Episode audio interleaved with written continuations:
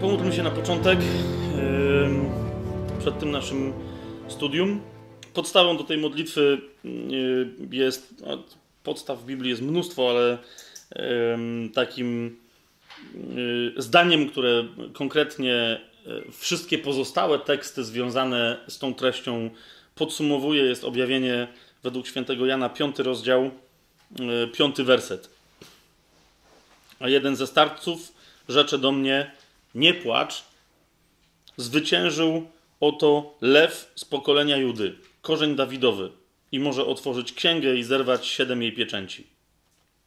Nie płacz, zwyciężył lew z pokolenia Judy, korzeń Dawidowy.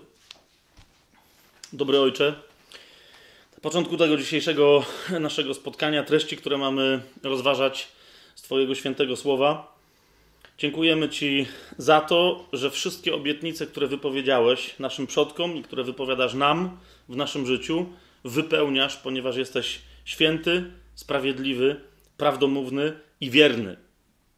Błogosławimy Cię, Panie, zwłaszcza za te wszystkie obietnice, wszystkie przymierza, które się wypełniają w naszym Mesjaszu, w Jezusie z Nazaretu, który jest prawdziwie człowiekiem, ale też i prawdziwie Bogiem, Twoim Synem. Dziękujemy Ci, Panie, za te wszystkie obietnice, które się w nim wypełniły w historii, ale też jeszcze za te wspaniałe obietnice, które są nam objawione, a które jeszcze historycznie się nie wydarzyły i dlatego z utęsknieniem ich wyczekujemy. Dziękujemy Ci, Panie, za to, że nawet jeżeli jeszcze żyjemy w czasie, w, których, w którym czasem płyną z naszych oczu łzy, to zwyciężył lew z pokolenia Judy, korzeń Dawidowy, którym jest Jeszua Hamasija i w nim my także już jesteśmy zwycięzcami. Prosimy Cię tylko, Panie, niech dzięki temu naszemu studium nie tylko wiara i przekonanie co do tego w nas się umacnia, ale też niech wzrasta w nas pragnienie i modlitwa o to, żeby Pan Jezus jak najszybciej powrócił. O to, żeby, żeby przyspieszyć Jego powrót. Maranata. Przyjdź, Panie Jezu. Amen. Okej. Okay. Zaczynamy po tych wszystkich wstępach e, na temat ksiąg historycznych e, podczas ostatniego spotkania. Dzisiaj chciałbym, żebyśmy od razu zaczęli od tematu, który jest, e, który jest rdzeniem dzisiejszego naszego studium, a mianowicie od przymierza Dawidowego.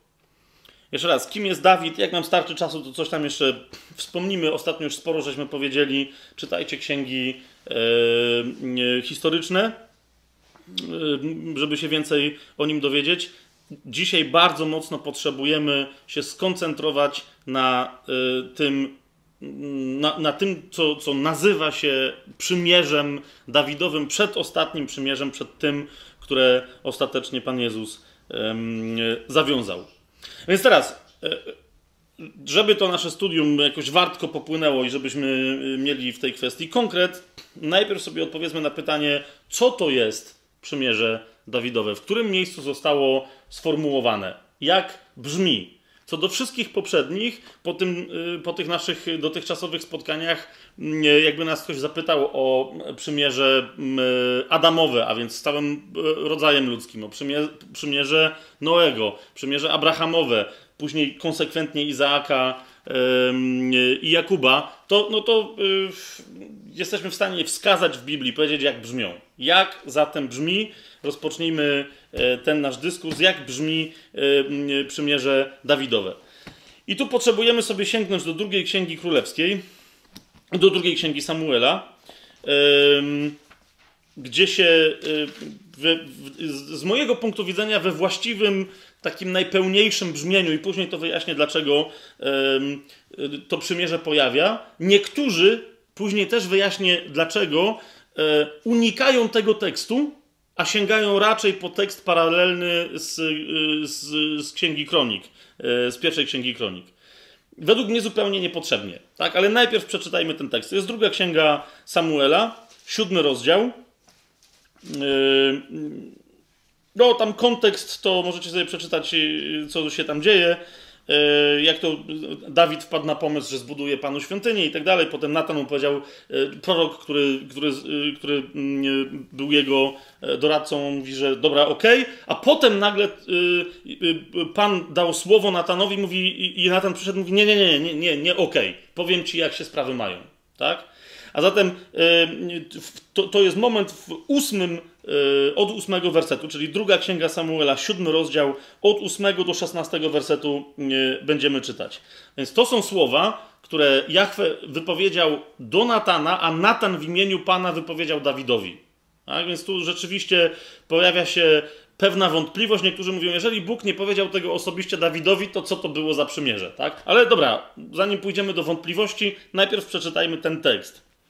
Teraz wtedy tak powiedz mojemu słudze Dawidowi. Tak mówi Pan zastępów. Ja wziąłem cię z pastwiska od trzody, abyś był księciem nad moim ludem, nad Izraelem. I byłem z tobą wszędzie, dokądkolwiek się wyprawiłeś, i wytępiłem wszystkich twoich nieprzyjaciół przed tobą, i uczynię wielkim imię twoje, jak imię wielkich na ziemi. I tu się, bo to jest na razie odniesienie do, do Dawida, jak, jaką mamy relację, tak? Ale teraz Pan do, do niego zaczyna mówić yy, o przyszłości. Wyznaczę też miejsce mojemu ludowi Izraelowi i zaszczepię go, aby tam bezpiecznie mieszkał. Tam, w sensie na tym miejscu, które Izraelowi wyznaczę. I nie będzie się już od tej pory trwożył i nie będą go już gnębić nikczemnicy. Więc to jest pierwsza część e, e, przymierza, które Bóg zawiera. Mówi, co zrobi e, dla Dawida, a więc i dla Izraela. A jak to było poprzednio, odkąd wyznaczyłem sędziów nad moim ludem izraelskim, dam ci wytchnienie od wszystkich twoich nieprzyjaciół. I teraz pojawia się następna e, historia. Zwiastuje ci też Pan, że wzniesie ci dom. A gdy dopełnią się dni twoje i zaśniesz ze swoimi ojcami, ja wzbudzę ci potomka po tobie, który wyjdzie z twojego łona i utrwalę twoje królestwo. On zbuduje dom mojemu imieniu i utwierdzę tron królestwa jego na wieki. I ja będę mu ojcem, a on będzie mi synem. Gdy zgrzeszy, ukażę go rózgą ludzką i ciosami synów ludzkich. Ale łaska moja od niego nie odstąpi, jak odjąłem ją Saulowi, którego usunąłem sprzed ciebie. I trwać będzie twój dom i twoje królestwo na wieki przede mną. Tron twój też utwierdzony będzie na wieki.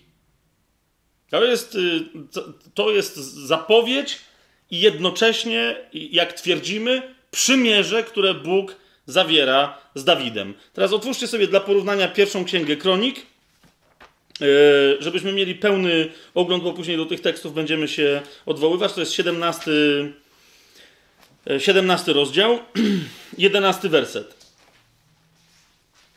Chodzi mi o to już, bo tam możecie sobie yy, yy, 17 rozdział szerzej poczytać, ale tu chodzi o te, o te kluczowe elementy. To jest 17 rozdział pierwszej księgi kronik, wersety od 11 do 14. A gdy dopełnią się Twoje dni, oczywiście to Pan mówi y, Dawidowi, tak jak już to wcześniej stwierdziliśmy, a gdy dopełnią się Twoje dni, aby pójść do swoich ojców, ja wzbudzę Ci potomka po Tobie spośród Twoich synów i utwierdzę jego królestwo. On zbuduje mi świątynię, ja zaś utwierdzę jego tron na wieki. Ja będę mu ojcem, a on będzie mi synem. Nie odejmę mu łaski mojej, jak odjąłem ją temu, który przed tobą był. Usadowię go w moim domu i w moim królestwie na wieki, a tron jego będzie utwierdzony na wieki. Czternasty yy, werset, widzicie nawet te, to, to na wieki yy, podkreśla dwukrotnie. Teraz tak. E, zacznijmy najpierw od wątpliwości e, w, tych kwestiach. Ponieważ nie chcemy e, bazować na tym, jak niektórzy mówią, że skoro istnieje cała potężna tradycja w kościołach zachodnich, wschodnich i tak dalej, że to, jest przymierze, to przejmijmy, że to jest przymierze. Bo to jest żaden argument. To znaczy, że przejmijmy. Są ludzie, którzy twierdzą, że to nie jest przymierze. I podają bardzo konkretne E, dowody. Przede wszystkim mnóstwo teologów dzisiaj, ale to już od, od jakiegoś czasu się dzieje, mówi, e, to nie jest przymierze ten tekst nie spełnia, ta postawa Boga w ogóle nie spełnia warunków przymierza Bożego. Tak? Czyli umowy, która z Boga strony jest yy, jednoznaczna. Tak? Yy, bo, dlaczego? No bo oni mówią, yy, no, no, właśnie, tutaj zaraz wam podam konkretne, yy, konkretne fragmenty. Ale jak się temu przyjrzycie, yy, nie wiem, czy, czy, mam, czy powinniśmy rzeczywiście w to wchodzić. Jak, jak się przyjrzycie całemu kontekstowi tych dwóch tekstów, to widać, że Bóg tam mówi, że no, zawieram z tobą, Dawid, przymierze, ale jak nie będziecie mnie słuchać, to was wytępię z ziemi. Tak? Ponieważ te fragmenty będziemy cytować później, to, to, to sami zobaczycie. Tak? I niektórzy mówią, Bóg, jeżeli zawiera przymierze, robi to bezwarunkowo, robi to jednostronnie i mówi, obiecuję ci, że coś zrobię i nieważne jaka będzie twoja postawa, i tak to zrobię dla ciebie. Na przykład, jak mówi Noemu, e, że już nigdy więcej wody potopu nie zaleją świata, to niezależnie od tego, jak będzie ludzkość grzeszyć, wody potopu nie zaleją świata. Jasne to jest. Tak? Po prostu Bóg tak powiedział i koniec. To nie ma, mówi, że po prostu nie będzie inaczej. Jeżeli powiedział Abrahamowi, że niezależnie od tego, jak się będzie, e, po prostu powiedział, że, że jego potomstwo będzie błogosławione, tak? I że z jego potomstwa przyjdzie zbawienie, a potem to potwierdził Izaakowi, potwierdził to e, Jakubowi, to niezależnie od tego, jak się będą zachowywać potomkowie Abrahama, Izaaka i Jakuba, z nich musi wyjść Zbawiciel. Jasne to jest? To jest przymierze. A tu niektórzy zwracają uwagę, mówię, nie, na razie nie będę tych fragmentów przytaczał, mm, żeby nie przedłużać, ale tu niektórzy mówią, e, no tu Bóg wyraźnie mówi, e, powiedział Dawidowi i potem powtórzył to Salomonowi, że dobra, fajnie, obiecuję ci coś, ale jeżeli będziecie się źle zachowywać, to was kompletnie wytępię. A zatem, powiadają, yy, powiadają, nie jest to przymierze. Tym się zajmiemy jeszcze za chwilkę. Yy, zresztą, że pojawiają się inni i mówią, nie, nieważne, czy tam się pojawiają warunki, czy nie. Chodzi o to, że, że w ogóle cały ten tekst jest bardzo króciutki i nie spełnia wszystkich warunków e, prawnych przymierza, takie jak na przykład przymierze, tak jak na przykład przymierze mojżeszowe tak? Zawarte z całym ludem pod górą Synaj. Nie ma takiego przymierza. Otóż, kochani, e, zanim sobie udowodnimy, że jednak to przymierze jest, to po prostu to myślę, że jest bardzo ważną rzeczą, żebyśmy sobie przypomnieli jedną fundamentalną zasadę, która myślę, że w tych debatach, czy, czy przymierze Dawidowe jest w ogóle przymierzem, czy nie, w ogóle jest przez niektórych pomijana.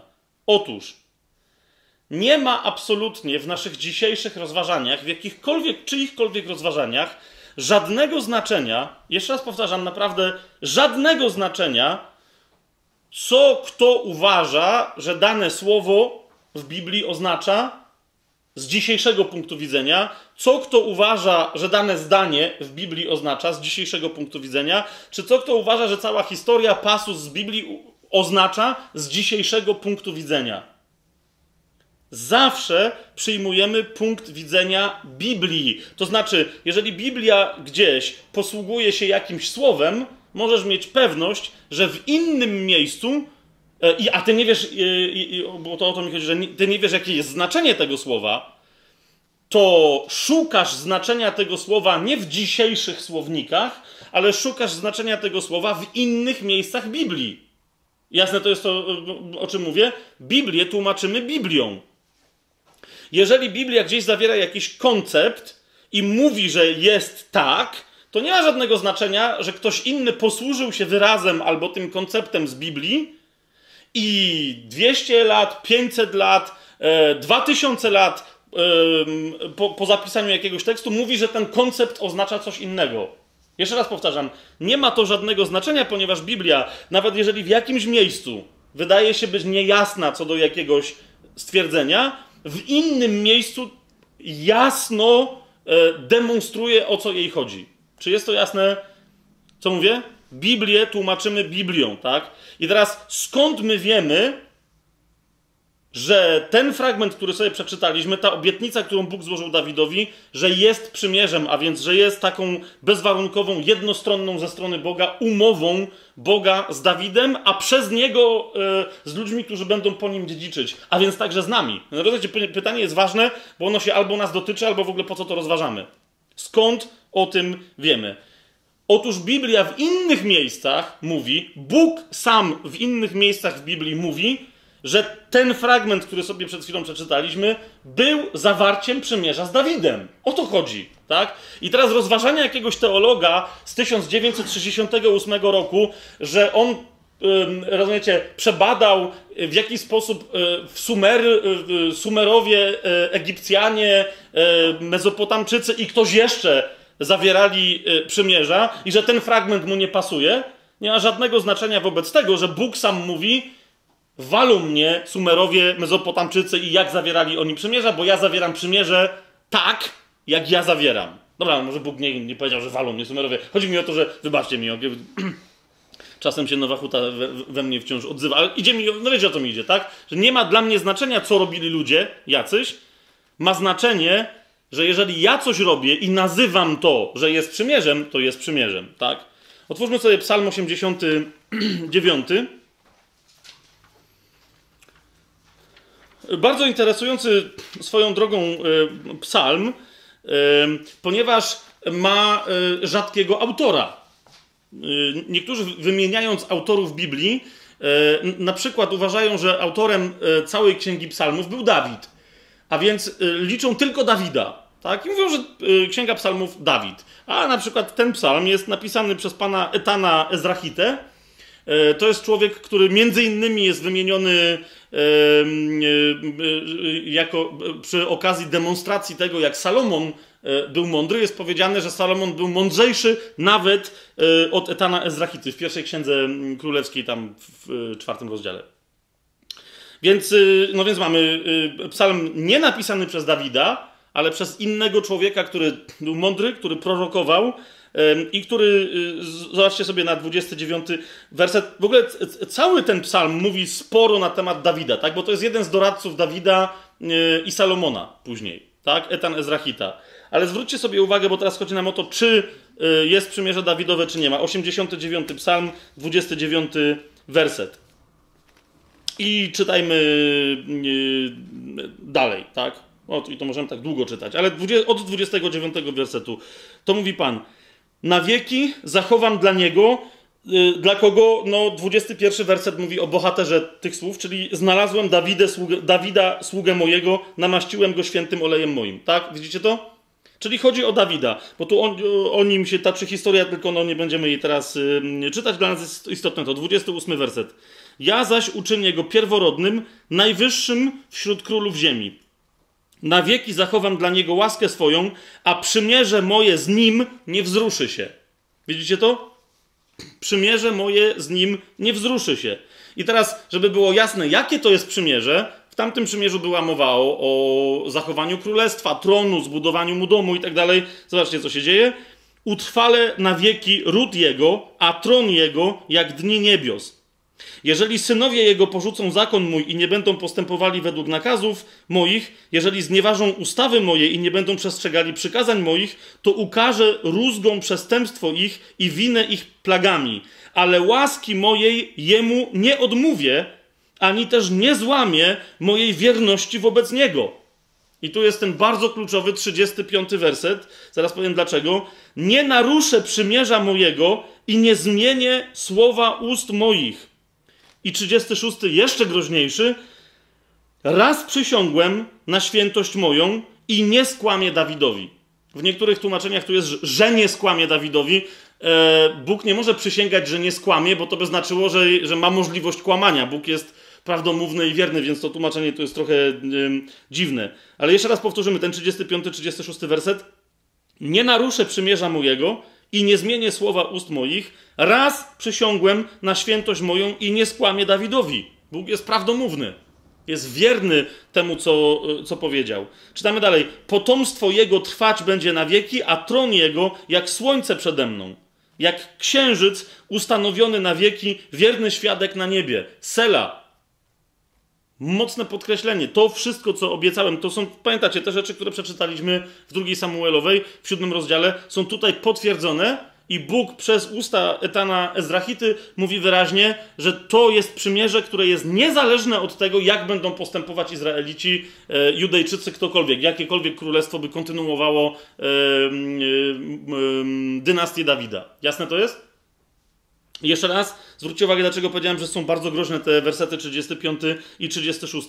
Otóż, jeżeli ktoś twierdzi, tak jak no mówię, nie chcę nazwisk tych teologów wymieniać, tak, ale jeżeli ktoś twierdzi, Wobec tego, bo nie doczytał w Biblii, tak, bo mu się nie chciało czytać jej całej do końca, albo przeczytał do końca, ale nie przeczytał od końca do początku, i twierdzi, że Bóg z Dawidem przymierza nie zawarł wiecznego przymierza, bo to nam o to chodzi, bo od początku mówimy o przymierzach wiecznych, które krystalizują Boży plan, tak, w historii dziejów ludzkości. To jeżeli ktoś mówi, że Bóg takiego przymierza z Dawidem nie zawarł, uwaga, robi z Boga kłamcę. To nie jest tylko teza teologiczna, ale, ale ta teza teologiczna zakrawa na bluźnierstwo, tak? ponieważ wtedy by to oznaczało, że Bóg coś przysiągł, ale jednak Dawidowi skłamał. A tu, rozumiecie, na jak śliskim gruncie wtedy ktoś, kto tak twierdzi, zaczyna się e, znajdować. I jeszcze jakbyście sobie otworzyli e, dla porównania Jeremiasza, Jeremiasz wręcz y, ma tam taki tekst, jakby chciał, no właśnie z tymi późniejszymi ludźmi, którzy tam coś badają, jakby chciał im dosadnie powiedzieć, jak, że, że charakter przymierza, jakie Bóg zawarł z Dawidem, jest taki sam, e, wieczny i uniwersalny, jak przymierza z jego poprzednikami w przymierzach. Z Adamem, z Noem, e, z Abrahamem, Izaakiem, Jakubem, Mojżeszem, tak? 33 y, rozdział Jeremiasza, jakbyście sobie otworzyli. Tam w ogóle parę tych rozdziałów, także poprzedzających y, ten 33 rozdział i, y, i następujących po nim, one w ogóle mówią o tym, co się będzie działo bardzo szeroko, kiedy Pan będzie realizować przymierze Dawidowe w pełni, ale skoncentrujmy się na razie tylko na tym fakcie, że to jest przymierze. Czyli Księga Jeremiasza, 34, 33 rozdział, wersety najpierw od 20 czytamy. Tak mówi Pan. Jeżeli zdołacie zerwać moje przymierze z dniem i moje przymierze z nocą, tu Bóg wręcz mówi, e, chcę powiedzieć, moje przymierze z Dawidem jest tak mocne, jak prawa naturalne w tym świecie, w którym żyjecie, ustanowiłem. Jest tak mocne. Tak? On więc mówi: Jeżeli zdołacie zerwać moje przymierze z dniem i moje przymierze z nocą, aby nie było ani dnia, ani nocy w ich właściwym czasie, to będzie też zerwane moje przymierze z Dawidem, moim sługą. Że nie będzie miał. I teraz jakie to będzie przymierze? Że nie będzie miał syna panującego na jego tronie i z kapłanami lewickimi moimi sługami. Wiecie o co mi chodzi? On, on mówi, Bóg mówi wyraźnie: Moje przymierze z Dawidem jest takie, że będzie miał syna na tronie i ono jest, i to przymierze, i to się musi stać.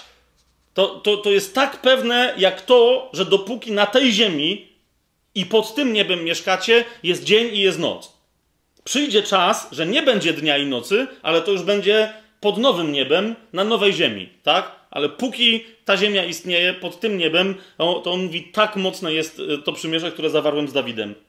Yy, i, I potem jeszcze sobie przeskoczcie dwa wersety dalej, do 20, czy tam 3 do 25 wersetu, jeszcze raz Pan to potwierdza, tak mówi Pan. Jak pewne jest, że ode mnie pochodzi przymierze z dniem i nocą i że ja ustanowiłem prawa niebios i ziemi, tak pewne jest, że nie odrzucę potomstwa Jakuba i Dawida, mojego sługi i będę spośród jego potomstwa wybierał władców nad potomkami Abrahama, Izaaka i Jakuba, albowiem odmienię ich los i ulituję się nad nimi. Widzicie to? A więc ten, który przyjdzie, pomazaniec, Boży Mesjasz, Mesija, yy, Masijach, Mesjasz oznacza po prostu pomazaniec. A pomazaniec bierze się po prostu z prostego tego faktu, że król w Izraelu E, był namaszczany, bo też może, można przetłumaczyć to jako namaszczony, tak? czyli był namaszczany olejem. E, potem zresztą ten rytuał w różnych monarchiach był e, powtarzany. I w tym sensie Mesjasz oznacza pomazańca, ale który poza innymi rzeczami, ty, tymi specjalnymi pomazańca Bożego, e, które będzie sobą reprezentował, będzie też królem. Jasne to jest, tak? Mesjasz musi być królem. To, to, to jest to, tak? E, jeżeli ma tron, jeżeli ma królestwo, i tak, ale jeszcze raz mówię, samo słowo Mesjasz, pomazaniec oznacza, że to jest ktoś pomazany, namaszczony olejem do tego, żeby królować. Nie ma żadnych innych tym kontekście pomazań w Biblii. Jasne? Dobra. Więc teraz, Myślę, że tu już mamy, i dlatego nie będziemy się wdawać w kwestię, wiecie, jak wyglądały konstrukcje przymierzy na Bliskim Wschodzie, w starożytności i tak dalej. Bóg powiedział wyraźnie, że zawarł przymierze z Dawidem. Mamy to? Okej. Okay. Teraz y, są tacy, którzy mówią: okej, okay, to było przymierze z Dawidem. Jeszcze raz, trochę zapominają o tych cały czas powtórkach, że pewne rzeczy muszą się w ramach tego przymierza wypełnić na wieki na wieki, na zawsze, zapominają o tym i niektórzy powiadają, być może, że to przymierze, o którym mówisz, o którym niektórzy twierdzą, że Bóg zawarł z Dawidem na wieki, być może ono się jednak chyba już y, wypełniło. W kim? No w Salomonie. Tak?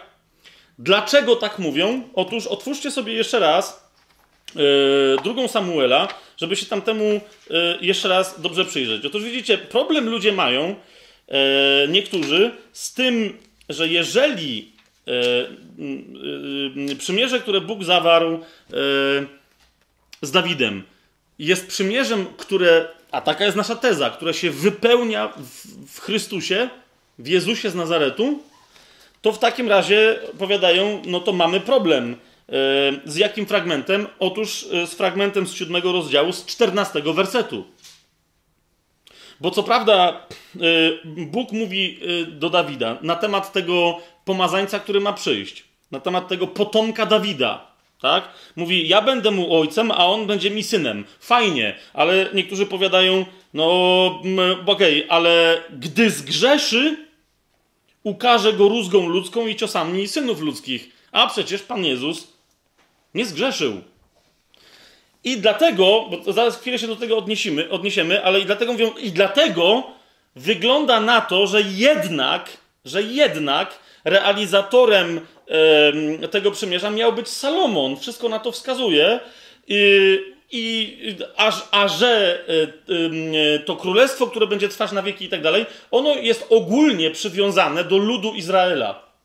I stąd dzisiaj macie te niektóre denominacje, e, także i niektórych ewangelicznie bardzo wierzących chrześcijan, na przykład w Stanach Zjednoczonych, którzy według mnie no, zupełnie jakieś dziwactwa głoszą, że wszystkim potrzeba przyjęcia Jezusa jako swojego osobistego Pana, Zbawcę, e, jako Mesjasza, z wyjątkiem y, Żydów, ponieważ oni i tak mają, wiecie, te swoje obietnice, które im tak czy siak towarzyszą i na przykład na bazie tego przymierza, e, no właśnie, które się zrealizowało w Salomonie, to jest bardzo ważne, y, Potem Bóg będzie wobec nich wierny i czy przyjmą Jezusa, czy nie, to nie ma większego znaczenia, no bo przecież Bóg będzie dla nich wierny, bo Dawidowi obiecał. Ważne tylko jest, żeby byli e, w ciągłości Dawidowej. Jakieś takie historie dziwaczne, ale żeby nie było, otwórzcie sobie pierwszą księgę kronik, bo opowiadają niektórzy, no, no, no, no nie dziwactwa, tylko no hej, no, no zobacz, jest tekst konkretny, tak? Pierwsza księga yy, kronik, jak sobie otworzycie 28 rozdział. E, tam jest, taka, e, tam jest takie wydarzenie, gdzie Dawid zgromadził w, w Jerozolimie wszystkich najważniejszych ludzi w całym swoim królestwie e, i nagle wypowiedział słowa, które wydawałyby się, że no właśnie potwierdzają to, że Bóg zawarł z nim przymierze do wypełnienia w Salomonie. Zobaczcie sobie 28 rozdział pierwszej księgi kronik. Tam możecie potem cały kontekst sobie przeczytać, ale chodzi mi o wersety 5 i 6. Zaś spośród wszystkich moich synów, to mówi Dawid, gdyż wielu synów dał mi Pan, wybrał on Salomona, mojego syna, aby zasiadł na tronie królewskim Pana nad Izraelem. I rzekł do mnie, Salomon, twój syn, zbuduje mi świątynię, gdyż jego sobie wybrałem za syna i ja będę mu ojcem. I jeszcze no, możemy nawet dalej poczytać. I utwierdzę jego królestwo na wieki, o ile wytrwa w spełnianiu moich przykazań i wyroków, jak to jest dzisiaj. Widzicie to? To mówi Dawid. Jeszcze potem. Yy, Zobaczcie dziesiąty werset z tego samego rozdziału. Tu już Dawid się zwraca bezpośrednio do Salomona. Mówi do niego: Miej się więc na baczności, gdyż Pan ciebie wybrał, abyś zbudował mu dom na święty przybytek. Zabierz się dzielnie do dzieła. Widzicie to? Tylko teraz. Yy... No dobra, zanim będzie tylko teraz, otwórzcie sobie jeszcze pierwszą królewską, bo zobaczycie, że rzeczywiście y, tą historią Salomon się przejął i idzie dalej cały czas w, w, w ten sam deseń. Tak? Pierwszą królewską, ósmy rozdział, jak sobie otworzycie.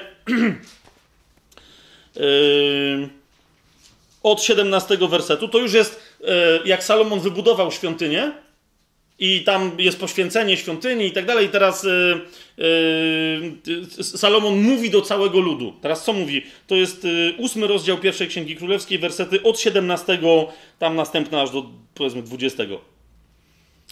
I teraz Salomon to mówi, tak? Co mówi? Dawid, mój ojciec, zamyślał wprawdzie zbudować przybytek imieniu Pana, Boga Izraela, ale Pan rzekł do Dawida, mojego ojca, iż zamierzałeś zbudować dom dla imienia mojego, postąpiłeś dobrze, tak zamyślając.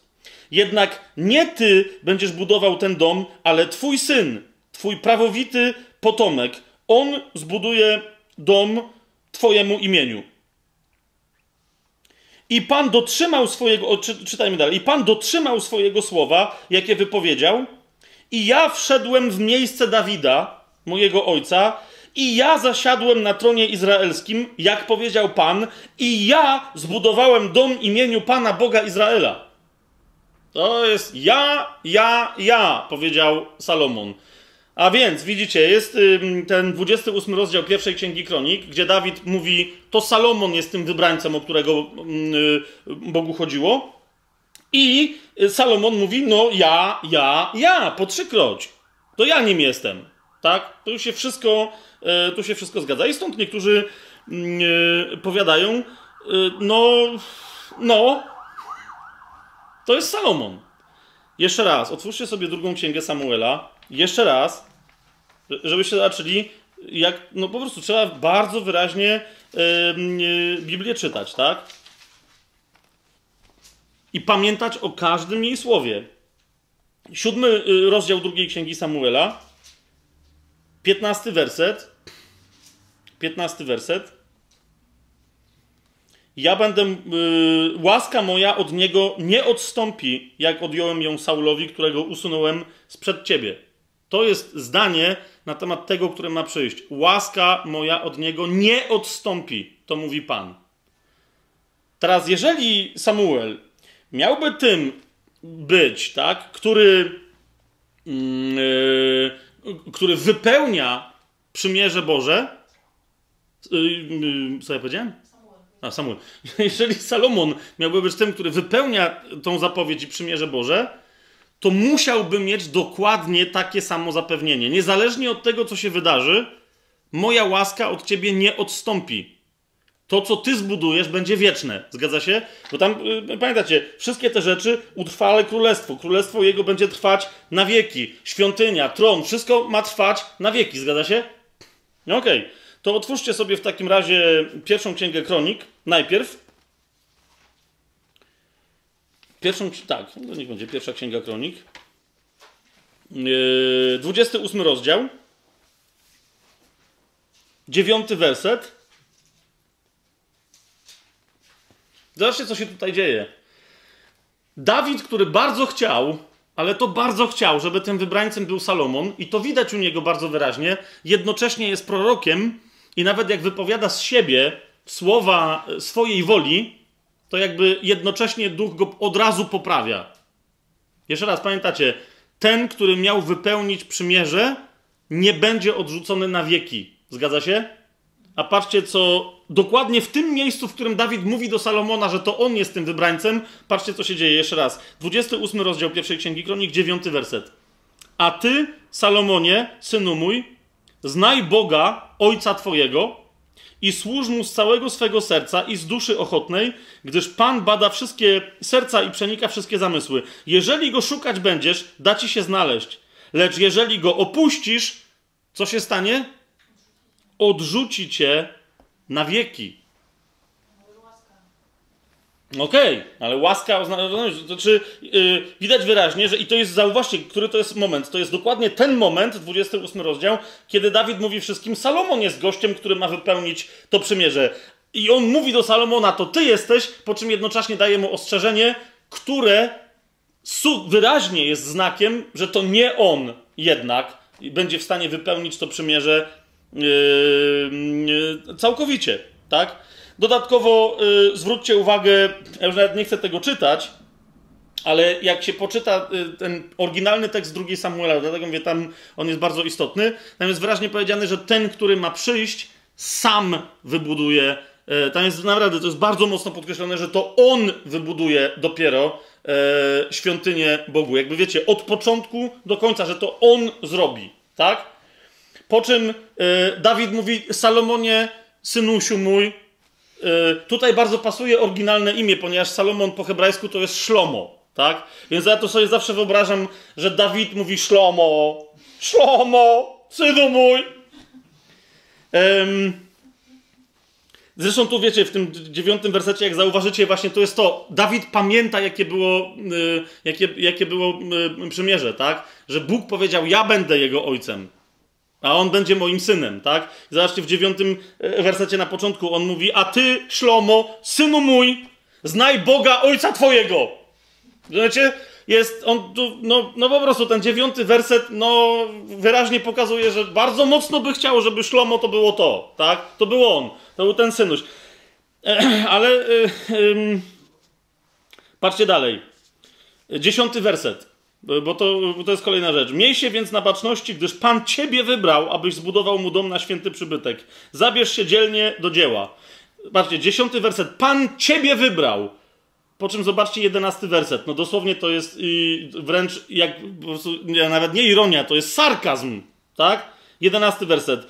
Y, jeszcze raz, dziesiąty werset. Naprawdę, Pan ciebie wybrał. Szlomo, Pan ciebie wybrał. Szlomuś, synuś mój, Pan ciebie wybrał. I jedenasty werset. Następnie Dawid dał Salomonowi, swojemu synowi, powiedziałbym, wszystko. Ale czytamy, plan przedsionka i plan samej świątyni plan jej zabudowań, jej skarbców, jej komnat górny, górnych i jej komór wewnętrznych i gmachów przebłagalni. Dalej, plan wszystkiego, co sobie umyślił. Kto? No Dawid! Plan wszystkiego, co sobie umyślił. Dziedzińców świątyni Pana, wszystkich komnat wokoło, skarbców świątyni Bożej i skarbców ofiarowanych darów. Dalej grupka i tak dalej, i tak dalej. Jak sobie zobaczycie, co jest dalej, tak? Yy, co, co, co Dawid mu dał, to to się ciągnie aż do końca 28 y, rozdziału. Ale jak dojedziecie do końca 28 y, rozdziału, to się okazuje, że w 29 rozdziale Dawid daje dalej. Nie tylko dał plany, a więc wszystko wymyślił, jak świątynia ma wyglądać. Po drugie, dał wszystkie materiały na tą świątynię. Zobaczcie, 29 rozdział pierwszej księgi kronik. Następnie rzekł Dawid król do całego zgromadzenia: Salomon, mój syn jedyny, którego wybrał Bóg, jest jeszcze młody i niedoświadczony. Dzieło zaś jest duże, gdyż nie dla człowieka jest dom ten przeznaczony, przeznaczony ale dla Pana Boga. Według wszelkich moich możliwości przygotowałem dla świątyni Boga mojego. I tu mówi co? Złoto, srebro, spisz, żelazo, drewno, kamienie korneolowe i tak dalej, i tak dalej, i tak dalej. Tak? A więc dał wszystkie plany Salomonowi. Po drugie, dał wszystkie materiały Salomonowi i po trzecie, yy, to jest 29 rozdział, trzeci werset, ponadto, ponieważ upodobanie mam w domu Boga mojego, oddaję na rzecz świątyni Boga mojego to złoto i srebro, które jest moją osobistą własnością, Oprócz tego wszystko, co przygotowałem dla przybytku świętego, mianowicie 3000 talentów złota, złota z Ofiru, 7000 talentów i tam wymienia to wszystko, tak? A więc Dawid daje także pieniądze, w razie gdy, wiecie, przy każdej budowie zawsze są jakieś wydatki, trzeba zapłacić pracownikom i tak dalej. Daje Dawid nawet na to pieniądze. Jakby tego jeszcze było mało, zmusza Dawid, no bo jak to inaczej nazwać, zmusza Dawid wszystkich możnych w Izraelu, żeby też się dołożyli. Zobaczcie, piąty werset. Aby złote było, co ma być złote, srebrne, co ma być srebrne, to wszystko, co ręcznie wyrabiają mistrzowie. A kto gotów jest dzisiaj okazać szczodrą dłoń dla Pana w domyśle tak jak ja? Czyli jak już powiedział, że wszystko to daje i tak dalej, to mówi, kto się jeszcze dołoży. Więc wiecie, trochę tak jak w mafii, no nie? No, boss mafii mówi, ok, ja daję, no to kto tam fiknie, żeby coś tam nie dał, tak? Każdy będzie się chciał pokazać. W związku z tym mamy szósty werset i złożyli ochotnie swój dar książęta rodów i książęta plemion izraelskich i dowódcy nad tysiącami i setnicy i zarządcy mienia królewskiego. Złożyli na potrzeby świątyni Bożej i tam jest wymienione pięć tysięcy talentów złota i tak dalej, i tak dalej, i tak dalej. Widzicie o co mi chodzi? Okej, okay, Salomon był tym, który nadzorował budowę świątyni i który ostatecznie ją poświęcił i tam się te wszystkie rzeczy wydarzyły, ale naprawdę bardzo trudno byłoby z punktu widzenia umysłu hebrajskiego, ale nawet i naszego trzeźwo myślącego powiedzieć, że Salomon był tym, który wybudował tą świątynię sam od początku do końca. Jasne to jest? Świetnie. Eee, I teraz jeszcze jedna kwestia. Pierwsza królewska, jak sobie otworzycie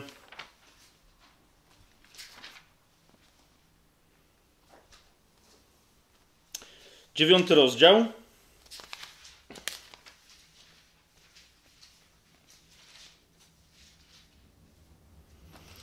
Widzicie, e, Dawid swoje powiedział, e, Bóg go tam popoprawiał. Salomon też, jak słyszeliście, swoje powiedział.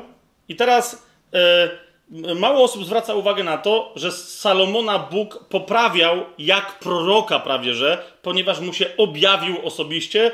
Przynajmniej dwa potężne objawienia miał takie, które jasno przypomniały jemu, Salomonowi, że jest częścią planu, ale że nie jest tym, o którego chodziło. W pierwszej Księdze Królewskiej, dziewiąty rozdział, wersety od trzeciego do dziewiątego, zobaczcie, co się dzieje to już jest ponowne spotkanie Szlomo, Salomona e, z Bogiem. I Bóg do niego e, mówi w ten sposób: Słyszałem modlitwę i błagania Twoje, które zanosiłeś do mnie. To było wtedy, kiedy właśnie Salomon poświęcał już gotową świątynię. I teraz zobaczcie, Bóg mu to przypomina. Poświęciłem ten przybytek, który zbudowałeś, aby tam przebywało moje imię po wieczne czasy tam będą też moje oczy i moje serce po wszystkie dni. Jeżeli zatem, i zauważcie, tu się pojawia Boże, ale. Jeżeli zatem będziesz postępował przede mną, jak postępował Dawid, twój ojciec, w szczerości serca i w prawości czyniąc wszystko zgodnie z tym, co ci nakazałem, przestrzegając moich przykazań i praw, utwierdzę Twój tron królewski nad Izraelem na wieki, jak obiecałem Dawidowi, Twojemu ojcu, mówiąc: Nie zabraknie Ci męskiego potomka na tronie Izraela. Widzicie o co mi chodzi? Bóg wyraźnie mówi Salomonowi: Ty należysz do tej części przysięgi, że będzie trwać dynastia Dawidowa. Nie zabraknie ci potomka na Twoim tronie. Ale nie ty jesteś tym gościem jednym, jedynym, o którego chodzi. Nie ty jesteś tą różdżką, tą odroślą, tą latoroślą z pnia czy z korzenia Jessego, czy Jesajego. To nie ty jesteś.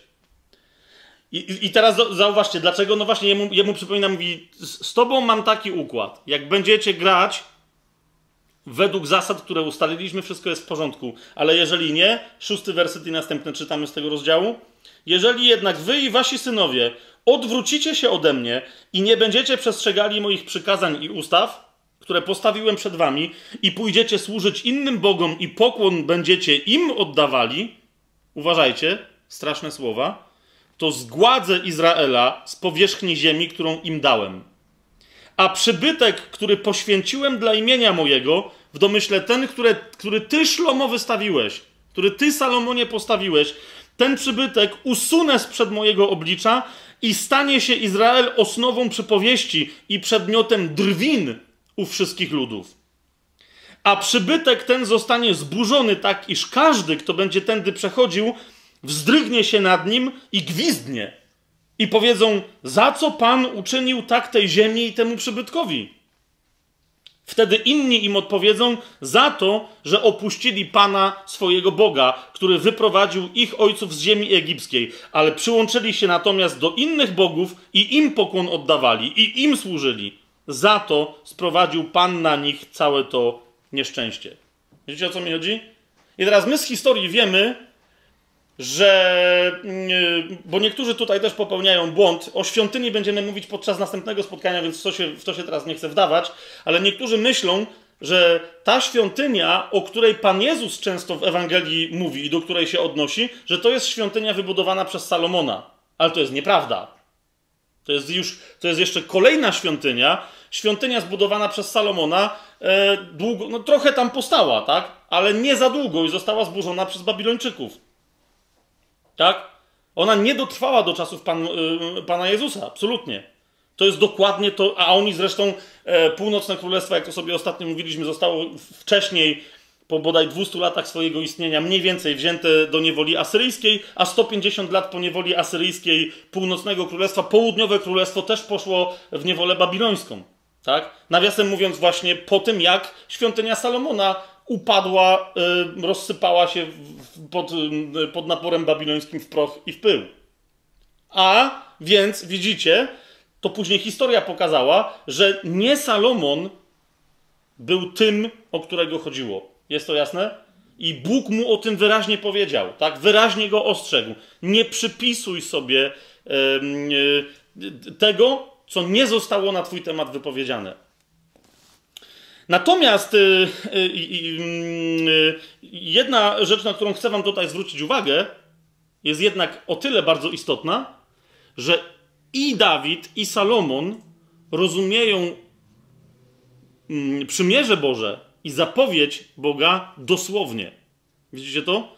Dla nich nie ma żadnego symbolicznego rozumienia, że będzie jakaś świątynia w niebie, że, że królestwo Izraela będzie jakieś mistyczne, duchowe, że, że ono nie będzie polegać na strukturach y, ziemskich i tak dalej. Tylko dla nich to, jest, to był konkret, że to, co Bóg zapowiedział, zrealizuje się w konkretnym królestwie, w którym będzie stać konkretna świątynia, y, w której będzie stać, jak się później dowiadujemy, konkretny tron i na którym to tronie będzie zasiadać konkretny król. W dodatku, coś, co zostało nazwane domem Dawidowym, czyli, czyli ród Dawidowy, zostanie odbudowany. Jasne to jest?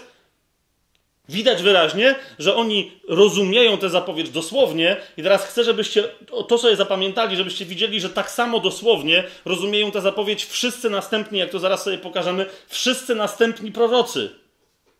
I dlatego, zauważcie, jak się pojawia Jezus w Ewangelii Mateusza, dlatego właśnie Jezus nie robi żadnych wstępów i nie robi żadnych wyjaśnień, kiedy mówi: Nawracajcie się, albowiem przybliżyło się do Was królestwo. Tak? To, to jest to. Nawracajcie się, albowiem przybliżyło się do Was królestwo. Jak znajdziecie yy, ten fragment w Mateusza dalej, w tak zwanym kazaniu na górze, tak? Yy, w którym jest powiedziane: szukajcie najpierw Królestwa Boga i Jego sprawiedliwości, a wszystko inne będzie wam przydane, to zobaczycie, że w oryginalnych większości manuskryptów nie ma tego dodatku Królestwo Boga. Szukajcie najpierw Królestwa i Jego sprawiedliwości, a wszystko inne będzie wam przydane. Teraz, czy królestwo Boga to jest coś innego niż królestwo ziemskie? Jeszcze o tym, y, troszeczkę o tym dzisiaj wspomnimy, tak? Czy istnienie takiego królestwa w konkretnym, materialnym wymiarze na ziemi przeczy istnieniu królestwa w nas? Już Pan Jezus powiedział, królestwo Boże w was jest. Też jeszcze o tym sobie powiemy. Nie, one sobie nie przeczą. Tak? One sobie nie przeczą, ale też się nie, w związku z tym, że sobie nie przeczą, to się nie eliminują. A zatem istnienie Królestwa Bożego w nas nie przeczy istnieniu królestwa materialnego, wręcz przeciwnie, jest jego zapowiedzią i jest jego wypełnieniem. To sobie yy, yy, za chwilę jeszcze bardziej prześledzimy. Tylko teraz jeszcze, co z tym fragmentem? Pamiętacie w drugiej Samuela w tej zapowiedzi, bo niektórzy mówią, no dobrze, to jeżeli Jezus yy, ma rzeczywiście wypełnić y, to przymierze, no to co w takim razie z tym stwierdzeniem y, dosyć nerwowym, ja będę, to jest siódmy rozdział, jeszcze raz powtórzę, drugiej księgi Samuela, siódmy rozdział, czternasty werset. Y, Bóg mówi, ja będę mu ojcem, a on będzie mi synem, gdy zgrzeszy, ukaże go rózgą ludzką i ciosami synów ludzkich. Jeżeli to jest Pan Jezus, jak on może zgrzeszyć?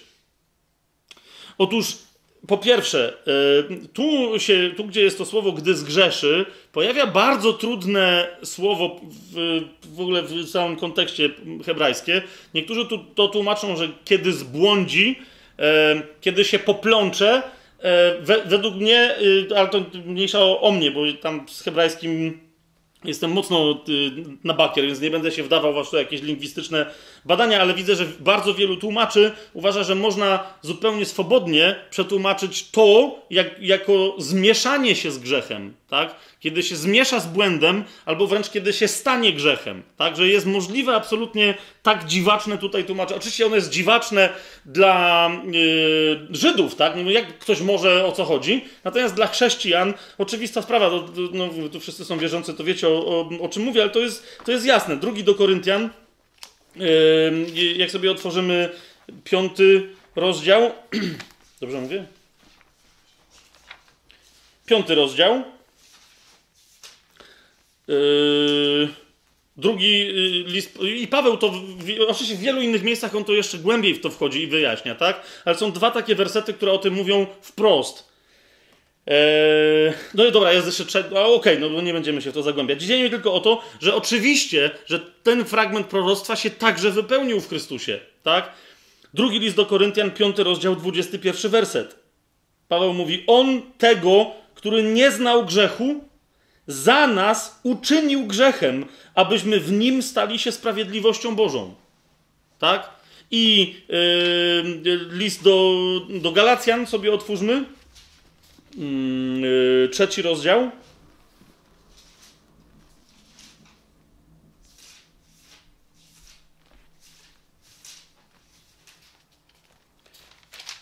Trzynasty werset. List do Galacjan, trzeci rozdział, trzynasty werset. Chrystus wykupił nas od przekleństwa zakonu, stawszy się za nas przekleństwem, gdyż napisano przeklęty każdy, który zawisł na drzewie. Tak? A więc sami widzicie, e, że e, Jezus został uderzony rózgą, tak? Przez, został wydany synom ludzkim. Każdy opis jego śmierci krzyżowej wyraźnie o tym mówi. Z mnóstwo proroctw, które się do tego odnoszą, tak? E, same Ewangelie wielokrotnie do tych proroctw się odnoszą, mówiąc o tym, że zostało w ten sposób wypełnione słowo. Począwszy od słowa uderzą, e, uderzę pasterza, a rozproszą się owce, a skończywszy na takich szczegółach, na przykład, że Jezusowi na krzyżu ma być jeszcze podany ocet do wypicia i tak dalej. O tym jeszcze będziemy później mówić, tak? Ale to jest to. Jezus, y, ten Mesjasz, który miał przyjść, musiał najpierw wycierpieć. To jest coś, czego, czego Żydzi wtedy nie rozumieli tak? Żeby mógł wejść do swojej chwały, a następnie e, w tej chwale powrócić na ziemię, żeby wypełnić pozostałe części proroctwa i przymierza. Zatem, jak mówimy o. Yy, czy myślę, że jest to jasne, tak? Obroniliśmy temat, że to, co Bóg, te, te, tych parę tam zdań, które wypowiedział Dawidowi, one się wypełniają w Jezusie. Nie mogą się w nikim innym wypełnić, tak?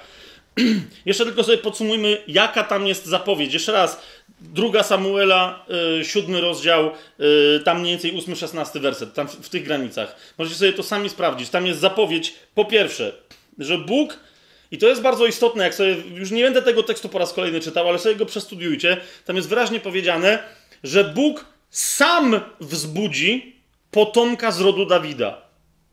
To potem zostało ukonkretnione w zapowiedzi u Izajasza, ale o tym sobie jeszcze powiemy. Ale wiecie, to jest to, jak niektórzy się pytają, skoro Jezus e, pochodzi od Mariam, w sensie ona go urodziła, a Józef tak naprawdę nie jest jego biologicznym ojcem, no to, to jak to? A, a już w tej zapowiedzi Dawidowi danej Bóg powiedział, on będzie z twojego rodu, ale ja sam ci go wzbudzę.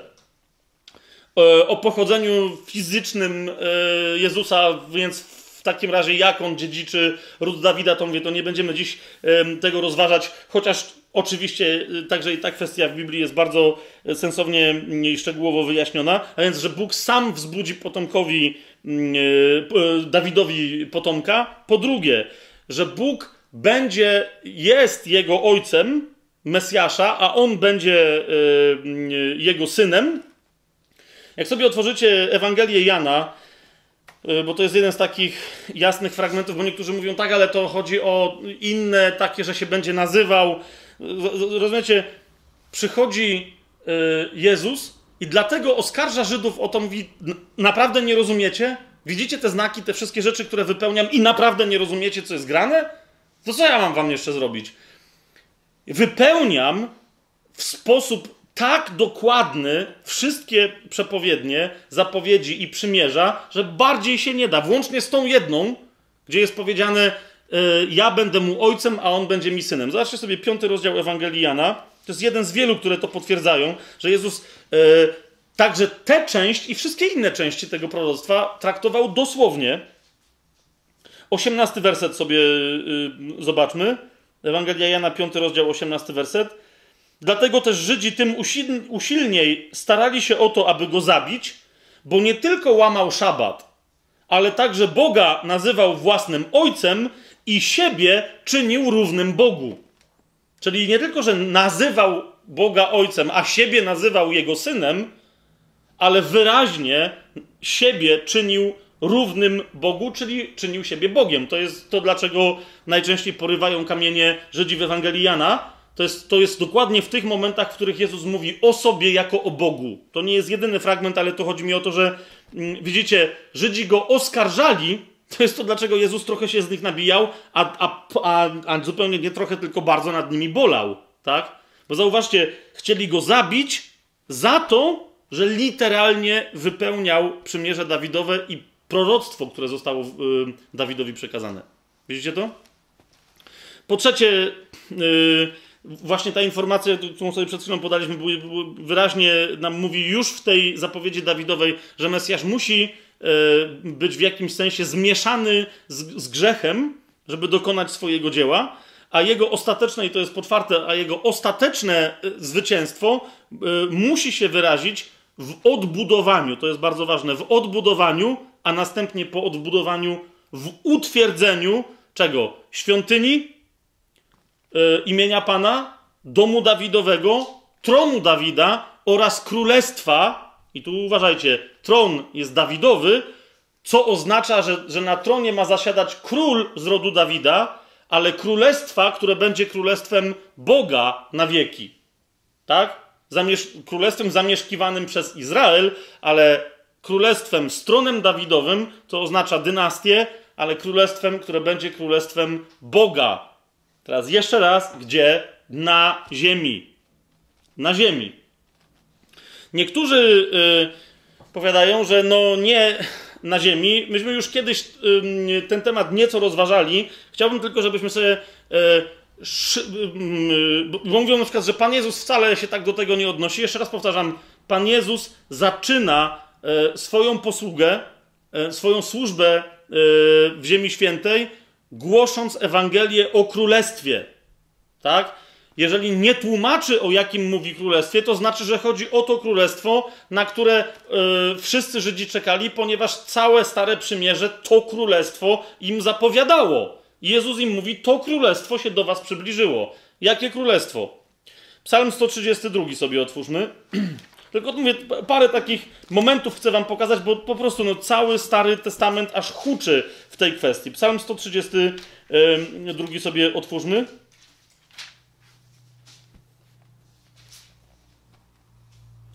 E, widzicie, no, y, y, to jest tak zwana pieśń pielgrzymkowa. To mi się bardzo podoba. To jest jeden z tych psalmów, które są, były śpiewane podczas pielgrzymek E, do świątyni już Salomonowej.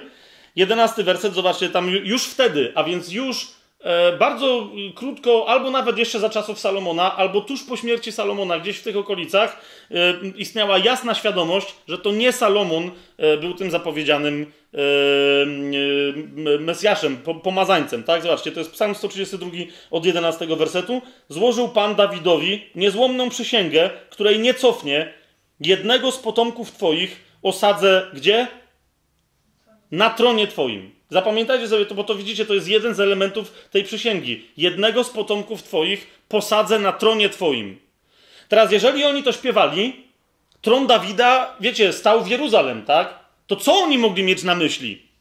Yy, jakieś, wiecie, mistyczne, yy, mistyczny tytuł? Że się ktoś będzie unosił w powietrzu w ramach jakiegoś duchowego doznania? Albo że będzie miał y, tytuł głowy jakiegoś kościoła i teraz nie pije wcale do kościoła katolickiego, chociaż też, tak? Tylko no, ale akurat papież tam się nie nazywa y, Mesjaszem. Tak? I, idzie mi tylko o to, że tu nie chodziło o, o żadne y, o religijne konotacje, ale przede wszystkim o konkretne państwowe, monarchiczne konotacje. Tak? Jeden z synów Dawida zasiądzie na jego tronie, Pan mu to, yy, Pan mu złożył przysięgę i jej nie cofnie. Potem tam y, dalej jakieś historie się dzieją. Od 13 wersetu, y, jak, jak zobaczycie, y, zresztą to wam pokaże, że, że ich rozumienie było bardzo konkretne. Od 13 wersetu, jak się przyjrzycie, albowiem Pan wybrał Syjon i chciał go na swoje mieszkanie, tu miejsce odpocznienia mojego na wieki, tu zamieszkam, bo upodobałem je sobie. Teraz uważajcie, zasoby jego hojne pobłogosławie, a ubogich jego nakarmię chlebem. Ubogich jego nakarmię chlebem. Mówi wam to coś? Coś wam to, coś wam to przypomina? E, y, łaska Pana ma się wyrażać w karmieniu ubogich chlebem, tak? Że On łaskawie będzie im, y, będzie im udzielał y, chleba. Jak sobie zobaczycie, w Ewangelii Jana to jest,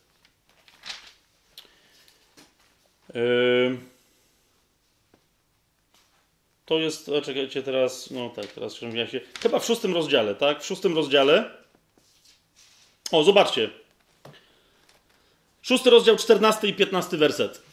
Czy, czy, nie tylko w czasach y, Dawida czy Salomona, ale także w czasach Jezusa rozumienie tamtej zapowiedzi było bardzo konkretne. Jeżeli przyjdzie Mesjasz, to on będzie królem, będzie zasiadać na tronie w Jerozolimie i między innymi będzie miał moc od Boga błogosławienia ludu przy pomocy karmienia go chlebem. Tak jak o tym ten psalm, o który czytamy, zapowiada. Tak? I zobaczcie, yy, Ewangelia Jana 6, rozdział 14-15. Wtedy ludzie, ujrzawszy cud, jaki uczynił, to tam wcześniej jest rozmnożenie chleba. Rzekli, ten naprawdę jest tym prorokiem, który miał przyjść na świat.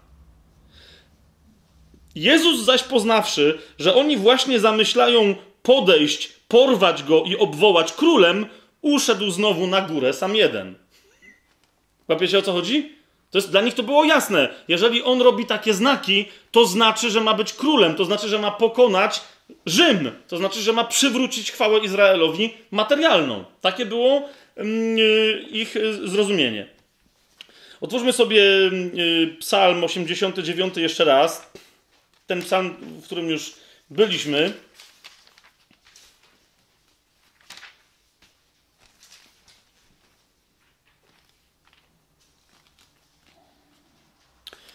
Zwróćcie uwagę, tamten bardzo mądry, a prawie nieznany prorok, Etan Ezrachita, w 49, w 50 wersecie sugeruje wyraźnie, prawdopodobnie jakby mu ktoś wtedy powiedział, że to sugeruje, to by sam był troszeczkę zszokowany, ale sugeruje wyraźnie, że Mesjasz, który ma przyjść, z martwych wstanie. Zobaczcie, 49, 50 werset. Gdzież jest ów człowiek, który by żył i nie oglądał śmierci, a wyrwał duszę swoją z krainy umarłych? Sela. Gdzież są, o Panie, Twoje pradawne łaski, któreś w wierności swojej zaprzysiągł Dawidowi? Czyli wiecie, zadaje pytanie, jakby wydawałoby się w kontekście retorycznym wtedy, tak? Że przecież nie ma człowieka, który by powstał z martwych, ale zaraz zadaje pytanie, gdzie są te pradawne łaski, które Pan zaprzysiągł Dawidowi? Jak później zobaczycie, odwołam się tam do jednego fragmentu, yy, Biblia w innych miejscach wyraźnie mówi, że to była jedna z jasnych, bezpośrednich i konkretnych zapowiedzi zmartwychwstania Jezusa. I że jednym z elementów tych pradawnych e, łask, które Bóg przysiągł Dawidowi, było, że Mesjasz, nawet jeżeli będzie cierpiał, to zmartwychwstanie i tym się będzie różnił od wszystkich innych potomków Dawida. Yy, zerknijmy sobie szybciutko do Izajasza. Tam na radę tylko tak, y, żeby to przelecieć. Te pierwsze księgi tu od y, szóstego, siódmego, y, siódmej księgi to są tak zwane księgi, niektórzy je nazywają księgami Immanuela, ponieważ Izajasz tu zapowiada właśnie kim według niego, bardzo szczegółowo, bardzo precyzyjnie, kim według niego będzie Mesjasz, który przyjdzie. I zaczyna się to od, no właśnie, jak tam Pan powiedział, ja sam ci wzbudzę potomka w Twoim rodzie. Zauważcie Księgę Izajasza, siódmy rozdział, czternasty werset. No nawet trzynasty werset, bo tu wyraźnie widać, że Bóg inaczej, że prorok tu się zwraca do, do domu Dawidowego, który dostał te, te proroctwa wcześniejsze, tak? Wtedy Izajasz rzekł: Słuchajcież, domu Dawidowy, czy mało wam tego, że nużycie ludzi, to jeszcze mojego Boga nużycie? Dlatego sam Pan da wam znak.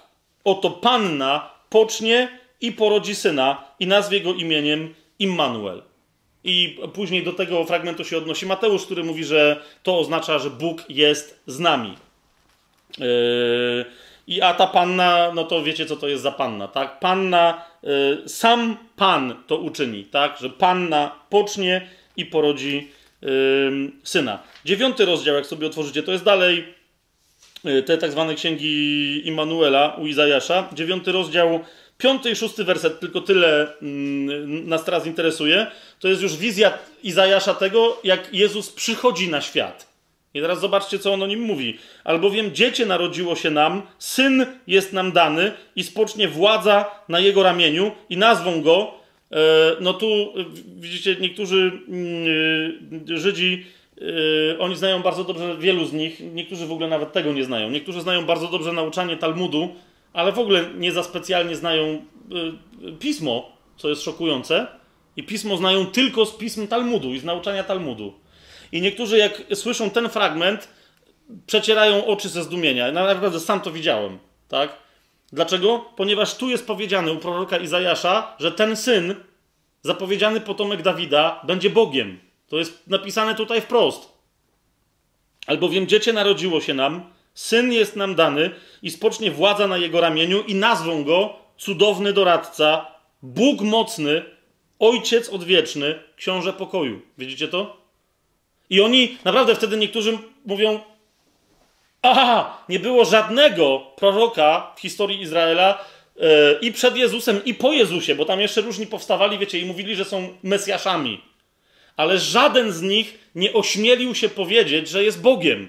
Żaden z nich nie powiedział czegoś takiego, co ojciec mówił, co Jezus mówił na co dzień. Kto mnie widzi, widzi też i ojca. Tak? A tu widzicie. Bóg mocny, ojciec odwieczny, książę pokoju.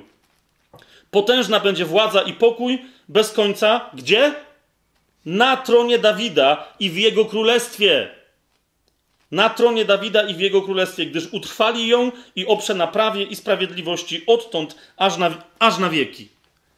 Tak? A więc jest wyraźnie zapowiedź króla zasiadającego na tronie Dawida, tak? który jest cudownym doradcą, który jest Bogiem mocnym, który jest księciem pokoju, który jest Ojcem odwiecznym. E, jedenasty rozdział, jak sobie zobaczycie, e, to jest dalej, e, dalej o nim jest, jest mowa. Jedenasty rozdział, pierwszy werset, potem następne i wyrośnie różdżka z pnia Isajego, a pęd z jego korzeni wyda owoc. Widzicie to? Pień Isajego to jest oczywiście ród Dawida, to, to, to, mm, no, to, to jest to samo. Księga Objawienia, między innymi, właśnie tam, gdzie jest powiedziane nie płacz, zwyciężył lew z pokolenia Judy. E, korzeń Isajego, korzeń Dawida to jest odniesienie między innymi do, e, do tego Y, do tego fragmentu. Po, ale jak sobie potem poczytacie, co się dzieje dalej, bo to, bo to już jest mowa o Jezusie, na którym spoczął duch Pana, ale też tu jest mowa już o tym, jak Mesjasz wraca na ziemię i niszczy antychrysta. To jest też u, u Izajasza napisane, tak? Yy, tam, że nie będzie miał dobra to wszystko. No i teraz patrzcie, czwarty werset, tak? Rózgą swoich ust będzie chłostał zuchwalca, a tchnieniem swoich warg zabije bezbożnika. Drugi do Tesaloniczan, jak sobie otworzycie drugi rozdział, to zobaczycie, że yy, yy, Paweł nawet w ogóle się yy, tam nie, niespecjalnie tłumaczy.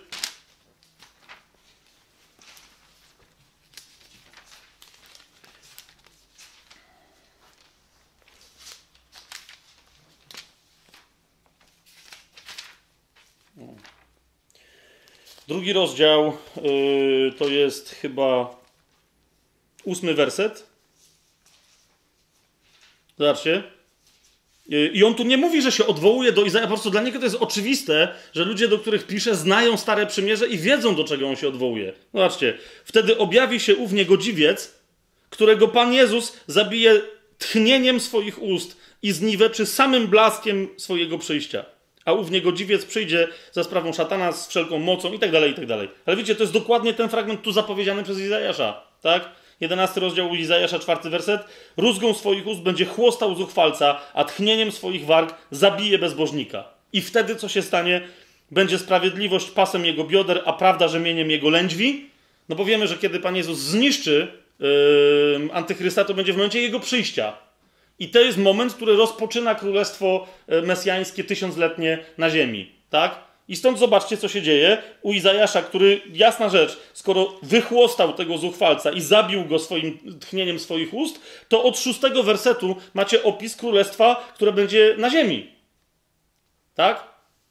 I będzie wilk gościem jagnięcia, a lampart będzie leżał obok koźlęcia, ciele i lwiątko i tuczne bydło będą razem, mały chłopiec je poprowadzi. No tam różne są historie na temat, na temat zwierząt, ale później od 11 wersetu macie historię na temat geografii, jaka będzie miała miejsce, yy, przynajmniej najbliższych sąsiadów dzisiejszego Izraela. Tak?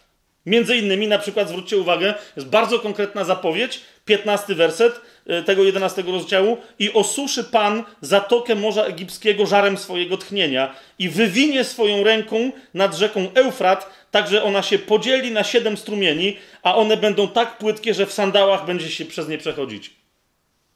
To, tego jeszcze nie ma, ale to, to jest to. Mamy, mamy, to, nie, to nie jest Zatoka Akbar, tylko ta zatoka z drugiej strony yy, pół, dzisiejszego tak zwanego Półwyspu Synajskiego. Tam jest woda i ona będzie osuszona a rzeka Eufrat podzieli się na siedem strumieni, a wszystkie one będą płytkie.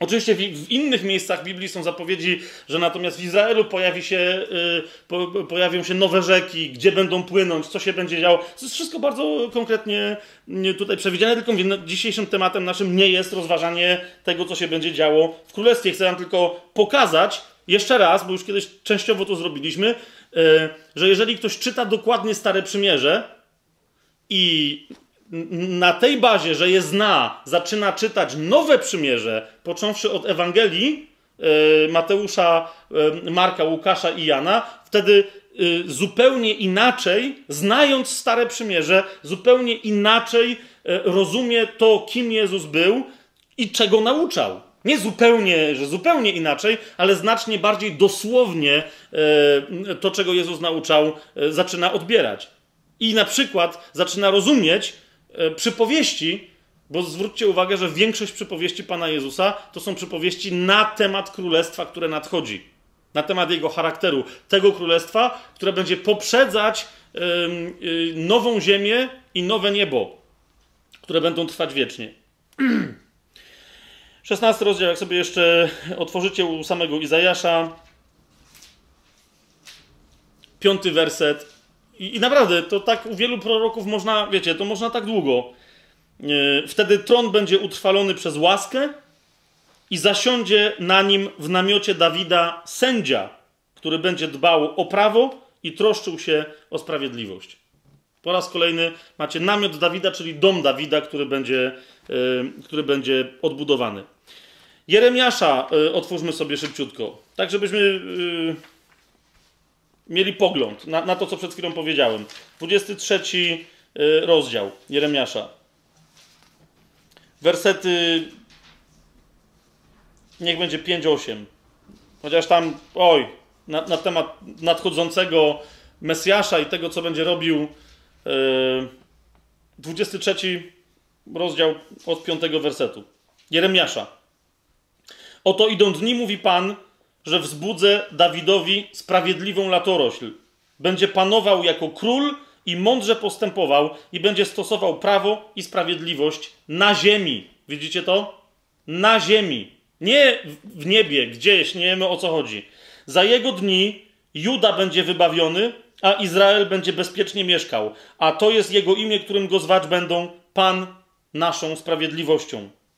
Dlatego oto idą dni, mówi Pan, że już nie będą mówili, jako żyje Pan, który wyprowadził synów Izraela z ziemi egipskiej, ale będą powiadali, jako żyje Pan, który wyprowadził i sprowadził potomstwo domu izraelskiego z ziemi północnej i ze wszystkich ziem, do których ich wygnał, i będą mieszkali na powrót w swojej ziemi. Widzicie to? Po co byłyby, gdyby to miała być obietnica jakaś symboliczna, po co miałoby, miałoby być tak dużo szczegółów geograficznych i tak dużo opowieści o ziemi?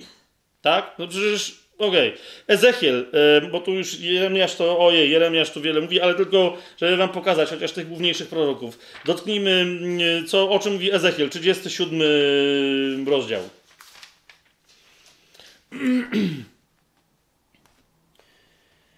Od 21 wersetu.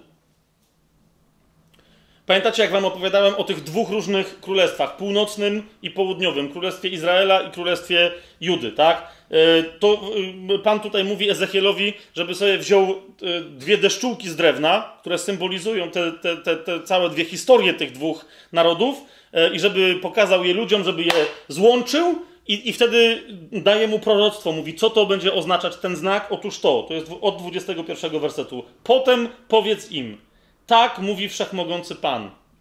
Oto ja zbiorę synów izraelskich spośród narodów, do których przybyli, i zgromadzę ich zewsząd i przyprowadzę ich do ich ziemi.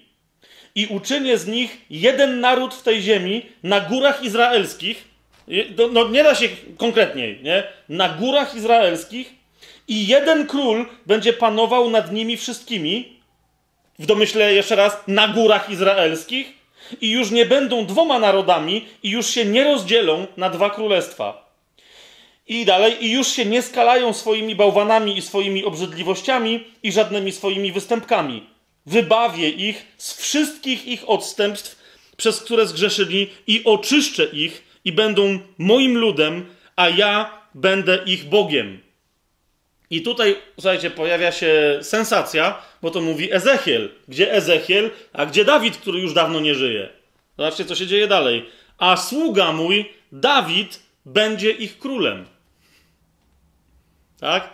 E, a więc mówimy, e, Ezechiel nie mówi tego wprost, ale mówi o zmartwychwstaniu sprawiedliwych. W tym wyraźnie mówi, że Dawid jednak powstanie z martwych. Wszyscy oni będą mieć jednego pasterza, to, i to nie jest ten Dawid, tam zdanie jest wyraźne. Królem dla Żydów będzie Dawid, tak? Ale wszyscy w ogóle będą mieli jednego pasterza i będą postępować według moich praw, będą przestrzegać moich przykazań i będą je wyko wykonywać i będą mieszkać w ziemi, którą dałem mojemu słudze Jakubowi. Po raz kolejny bardzo konkretne oznaczenie granic terytorialnych, geograficznych. Będą w niej mieszkać zarówno oni, jak i ich synowie i wnuki po wszystkie czasy. A sługa mój Dawid będzie ich księciem na wieki. Tak? I tam dalej jest zawrę z nimi przymierze pokoju. To już okej, okay, bo to. No ale chociaż dobrze, przeczytajmy to do, do, dalej. Zawrę z nimi przymierze pokoju, będzie to przymierze wieczne z nimi.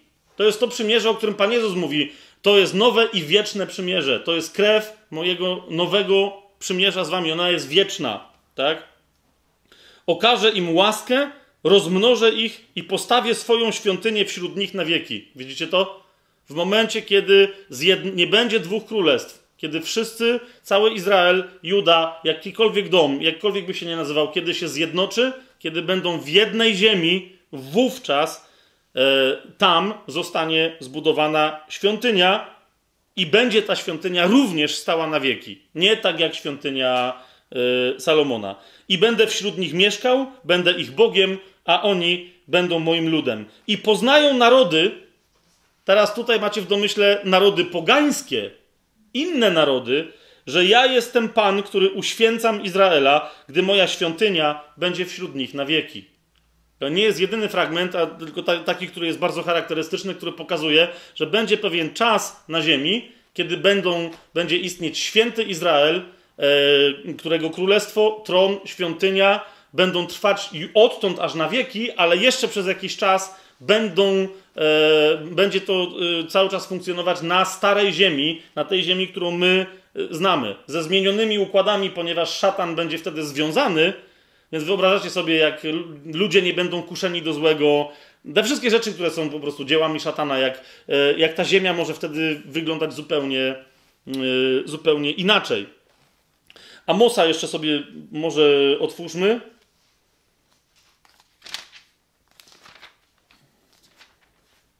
Yy, żeby się w miarę czasowo wyrobić, bo tu jeszcze parę rzeczy mam do powiedzenia. Amosa, ostatni rozdział, dziewiąty. Widzicie, tam yy, Bóg, no to już jest późniejszy prorok, i on, przez niego Bóg mówi wyraźnie, że niestety nie cały Izrael będzie pobłogosławiony. I mówi: Wierzcie mi, pośród tych wszystkich narodów, do których was wyślę, to was tam bardzo mocno przesiedlę prze, przesieję, przeoczyszczę, tak? Przez, przez filtr was przepuszczę. Ale, ale mówi, ale to, ale to nie znaczy, że nie powstanie królestwo wieczne. Yy, od ósmego wersetu, jak byście zobaczyli, dziewiąty rozdział Amosa, od ósmego wersetu. Oto oczy wszechmogącego Pana są zwrócone na to grzeszne królestwo. Tam jeszcze wtedy istniało, yy, istniało królestwo yy, Judy. Wytępie jest powierzchni ziemi, mówi Pan. Jednak nie wytępię doszczętnie domu Jakuba, mówi Pan. Bo oto każe przesiać wśród wszystkich ludów dom Izraela, jak się przesiewa w przetaku, tak że ziarnko nie upadnie na ziemię. Od miecza poginą wszyscy grzesznicy mojego ludu, którzy mówią: Nie dosięgnie nas, ani nie zaskoczy żadne nieszczęście. Ale jak już to się stanie, że ci grzesznicy poginą, jak sobie zobaczycie u Zachariasza zapowiedzi, ale też w Apokalipsie, e, to nawet w samej Jerozolimie zostanie resztka. Tak? Ale Pan mówi, wśród tej resztki dojdzie do nawrócenia. I tu macie od 11 wersetu. W owym dniu podniosę upadającą już chatkę Dawida i zamuruję jej pęknięcia. I podźwignę ją z ruin i odbuduję ją jak za dawnych dni, aby posiedli resztki Edomu i wszystkie narody, nad którymi wzywane było moje imię, mówi Pan, który to czyni. Oto idą dni, mówi Pan, w których oracz będzie przynaglał żniwiarza, a tłoczący winogrona siewce ziarna. I góry będą ociekały moszczem, a wszystkie pagórki będą nim opływały. W sensie, to jest, wiecie, oznaka bogactwa. I odmienię los mojego ludu izraelskiego, także odbudują spustoszone miasta i osiedlą się w nich, nasadzą winnice i będą pić ich wino, założą ogrody i będą jeść ich owoce. Jeszcze raz, bo, takich tu zapowiedzi w Biblii jest mnóstwo, ale zwracam Wam uwagę na ten fragment o moszczu, którym opływa cała kraina, i zwłaszcza to nasadzą winnice i będą pić ich wino. To jest zapowiedź królestwa, które ma nadejść, tak? Yy, mesjańskiego. Założą ogrody i będą jeść ich owoce. Zaszczepię ich na ich ziemi i nikt ich już nie wyrwie z ich ziemi, którą im dałem, mówi Pan, Twój Bóg. Jak ich Pan tam zaszczepi, będą jeszcze raz sadzić winnice i będą pić ich wino. Dlaczego to jest dla nas istotne? To za chwilę. Chcę tylko że y, jeszcze szybko Wam pokazać, że temat królestwa w Nowym Przymierzu jest również bardzo, jeszcze raz powtarzam, jak widzicie, zapowiedzi królestwa, króla, który jest potomkiem Dawida, e, tronu, na którym król zasiada i rządzi, i jeszcze w dodatku rządzi tak, że inne narody y, boją się Izraela i tego pana słuchają, to w takim kontekście pojawia się Jezus, jak otworzycie sobie Ewangelię Mateusza, tak? Bo Mateusz, yy, dlatego według mnie jest, to nie jest, no do, dobrze, powinna być w kolejności pierwsza Ewangelia, jest też w Piśmie Świętym, ponieważ to jest Ewangelia pisana głównie z myślą o Żydach. I, o, ta, i teraz yy, pojawia się Jezus, Pierwszy rozdział, pierwszy werset, rodowód Jezusa, Mesjasza, syna Dawida, syna Abrahama. Widzicie to? Abraham był ojcem Izaaka, a Izaak ojcem Jakuba. To, to masz, macie dodatkowo tych ludzi, którzy po Abrahamie ukonkretniali zapowiedzi, yy, zapowiedzi dane yy, Abrahamowi. I teraz yy, zobaczcie, co się dzieje. Ten, który był zapowiadany, to pomijam teraz wiele innych przepowiedni zapowiadających przyjście człowieka, który będzie poprzedzał Mesjasza, czyli Jana Chrzciciela. Ten, y, który y, przychodzi chrzcić, krzyczy, zobaczcie, trzeci rozdział Ewangelii Mateusza, drugi werset. Upamiętajcie się, albowiem przybliżyło się Królestwo Niebios. Widzicie to? E, nawiasem mówiąc, Ewangelia Mateusza, ponieważ jest, pisana do Żydów, od, rozróżnia Królestwo Niebios od Królestwa Bożego. Niektórzy mówią, że nie ma takich rozróżnień później nigdzie w Piśmie Świętym. To jest nieprawda, e, ponieważ Paweł odróżnia Królestwo Mesjasza od Królestwa Boga pewnych kontekstach i Jan na przykład w, obja- w objawieniu także odróżnia, to, to, nie są różne rzeczywistości, one się przenikają, ale oznaczają dwie nieco różne yy, historie. Tak? Królestwo Niebios, według mnie, a to mówię o tym kiedy indziej będziemy mówić, ale yy, jakby ktoś z Was chciał już przyspieszyć swoje studium i to pobadać, Królestwo Niebios, według mnie w Ewangelii Mateusza, jest królestwem mesjańskim, jest tym królestwem, które y, y, Jan w objawieniu nazywa królestwem tysiącletnim. Tak? A więc widzicie, przychodzi Jan, nie ma żadnych wcześniej wyjaśnień, bo nie musi być. Jeżeli znasz Stare Przymierze, rozumiesz, co mówi Jan, który powiada: Upamiętajcie się, albowiem przybliżyło się Królestwo yy, Niebios. I teraz yy, zobaczcie, co się dzieje, kiedy się pojawia yy, Jezus. To jest czwarty rozdział, 17 werset Ewangelii Mateusza. Jak już tam Jezus jest kuszony i tak dalej, i tak dalej. Po pierwsze są odnośniki cały czas, no właśnie na przykład do tego, że się wypełniło zapowiedź a propos ziemi Zabulona i Neftalego, ale zobaczcie w 17 wersecie, co Jezus zaczął głosić, odtąd począł Jezus kazać i mówić, upamiętajcie się, przybliżyło się bowiem Królestwo Niebios. Po raz kolejny. Jezus cały czas przypowieści swoje, wszystko co tam mówi, mówi na temat Królestwa Niebios. Ale zobaczcie rozdział yy, Dzieje Apostolskie. Czy po Jezusie coś się zmieniło? Czy, yy, czy wszyscy uznali, że okej, okay, już yy, koniec, nie gadamy więcej na temat yy, zapowiedzi, które otrzymał Dawid? Zobaczcie, drugi rozdział dziejów apostolskich, pierwsze kazanie Piotra do Żydów, 29 werset. I następne. Mężowie bracia, wolno mi otwarcie mówić do was o patriarsze Dawidzie, że umarł i został pogrzebany, a jego grób jest u nas aż po dzień dzisiejszy. Będąc prorokiem i wiedząc, że mu Bóg zaręczył przysięgą, że jego cielesny potomek zasiądzie na jego tronie, to jest bardzo istotne stwierdzenie yy, u Piotra cielesny potomek, dlatego to podkreśla, ponieważ cielesny potomek nie zasiada, nie zasiada na wyimaginowanym tronie, tylko ponieważ ma ciało, zasiada na konkretnym tronie. Zgadza się? Że jego cielesny yy, potomek zasiądzie na jego tronie, mówił, przewidziawszy to, o zmartwychwstaniu Chrystusa, że nie pozostanie w otchłani, ani ciało jego nie ujrzy skażenia. Tego to Jezusa wzbudził Bóg, czego my wszyscy jesteśmy świadkami wywyższony wtedy prawicą Boga, otrzymawszy od Ojca obietnicę Ducha Świętego, sprawił to, co wy teraz widzicie i słyszycie. I jeszcze raz jest odwołanie do, do Dawida, idąc dalej, albowiem nie Dawid wstąpił do nieba, powiada bowiem sam, rzekł Pan, Panu mojemu, siądź po prawicy mojej, aż położę nieprzyjaciół Twoich pod nóżkiem stóp Twoich. To jest pierwsze zaznaczenie w dziejach apostolskich, ale nie jedyne, że e, potomek Dawida jednocześnie jest panem Dawida. Jest kimś więcej niż jakikolwiek zwykły ludzki następca Dawida. Ponieważ Dawid o nim i o Bogu mówi: Rzekł Pan do Pana mojego. Rozumiecie, bo to jest psalm, jak tam się dobrze przejrzycie, to jest psalm 110, e, to tam e, wyraźnie jest to psalm o potomku tym, który miał przyjść, a Dawid Boga w tym psalmie nazywa Panem i tego potomka również nazywa Panem. Rzekł Pan do Pana mojego, siądź po prawicy mojej. Trzynasty rozdział dziejów apostolskich, jak sobie otworzycie.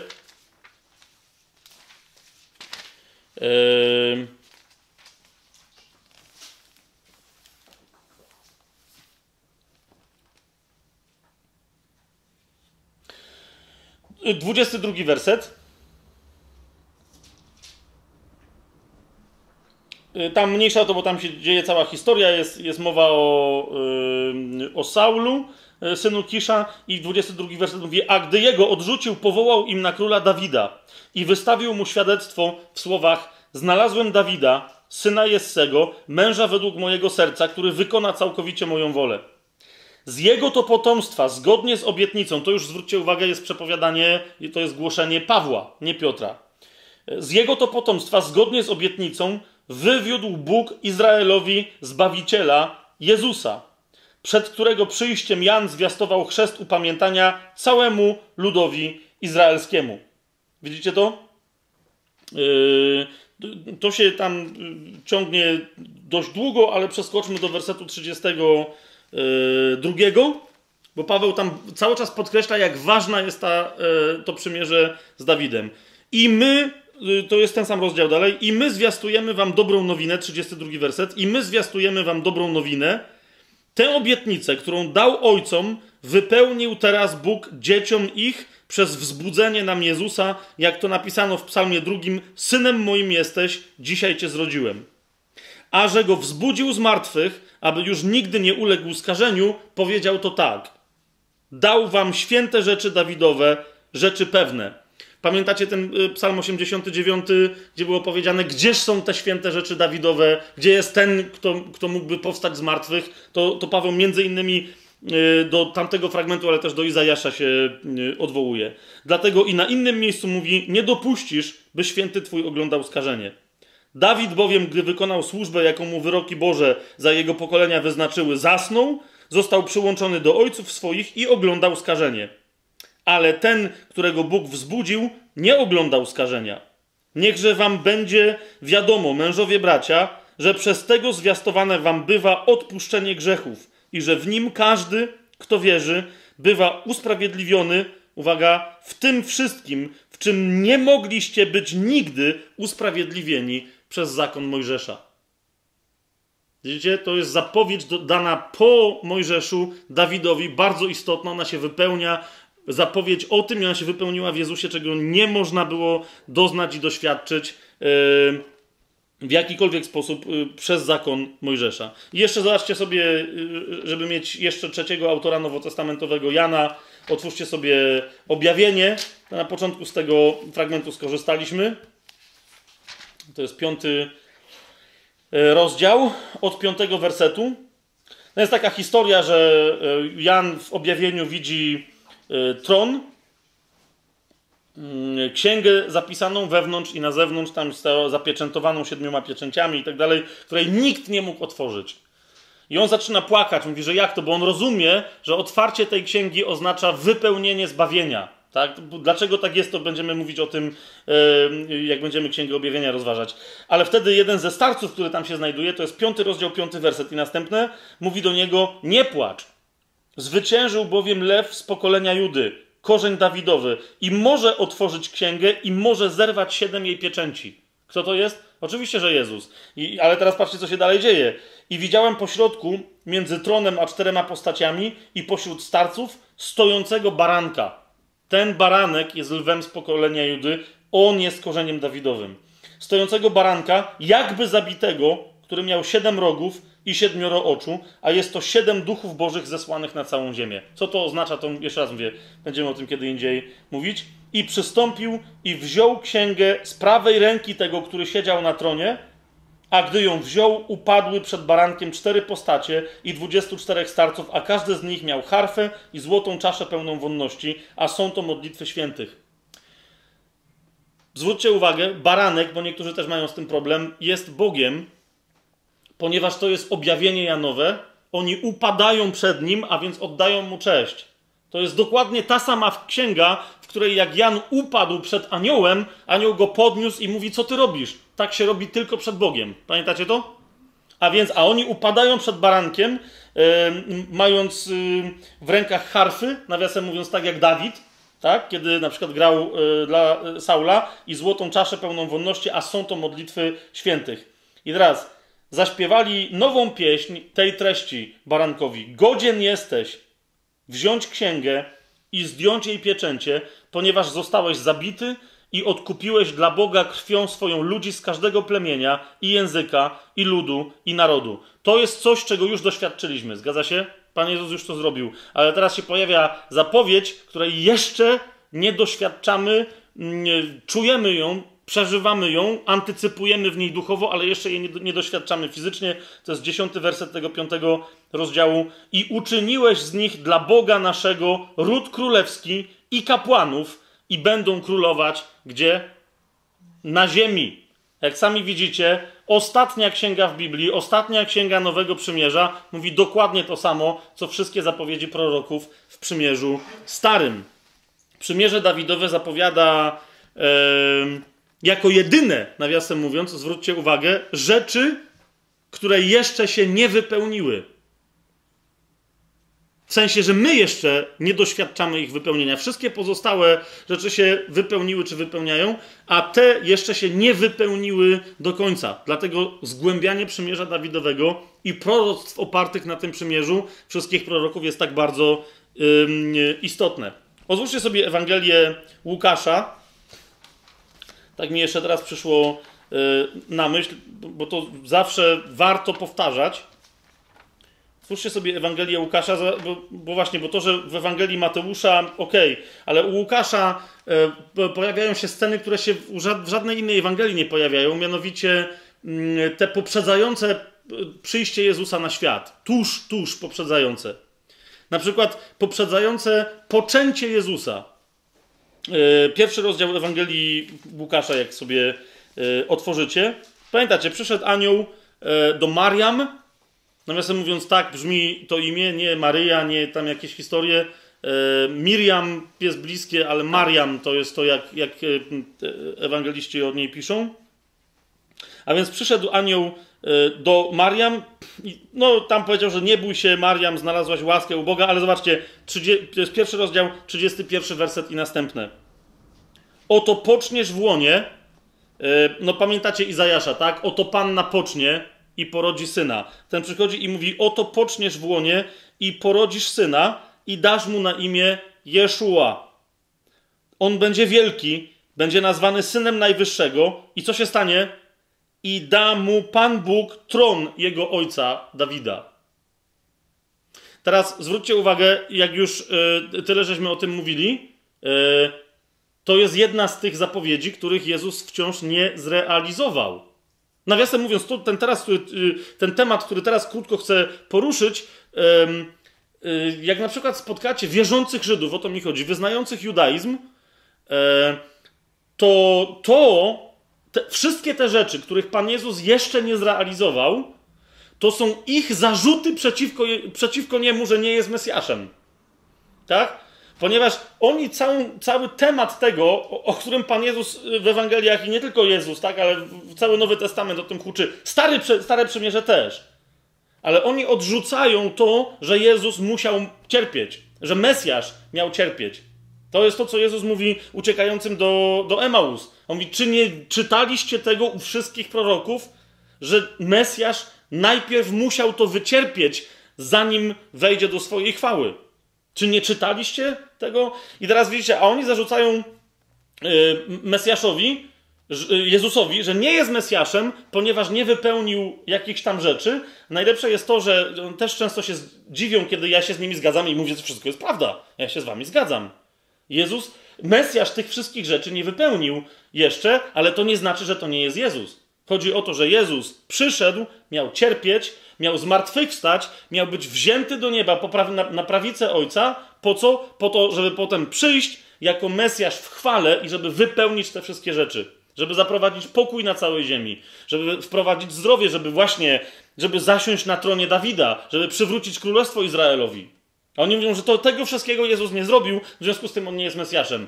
Jeszcze tego nie zrobił, ale wiemy, że on i tylko on może być tym, który to zrobi. Dlaczego? ponieważ już udowodnił, że jest Mesjaszem, który przeszedł przez mękę.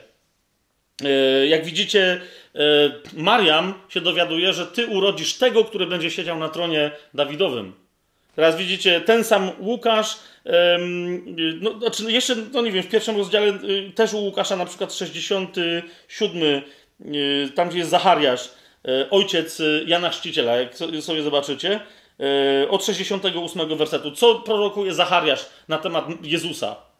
Błogosławiony jest Pan, Bóg Izraela. Dlaczego? Że nawiedził lud swój i dokonał jego odkupienia. Samo fakt, że przyszedł Jezus, oznacza, że to się już zaczęło. I teraz, jak to dokonał? Jeszcze nie umarł na krzyżu. Nieważne, to się już zaczęło, tak? Tryby ruszyły i teraz każdy kolejny etap odkupienia będzie się dokonywał nieuchronnie. Bóg to powiedział i nie będzie musiał powtarzać. Jezus przyszedł jako słowo wcielone i robi to, co ma robić, i będzie robił to, co obiecał, że zrobi. A więc on mówi: Błogosławiony Pan Bóg Izraela, że nawiedził lud swój, bo Jezus już jest, tak? Jest y, w łonie Mariam, że nawiedził lud swój, dokonał jego odkupienia, wzbudził nam mocarnego zbawiciela w domu Dawida, swojego sługi. Widzicie to? 69 werset. Jak od wieków zapowiedział przez usta świętych swoich proroków.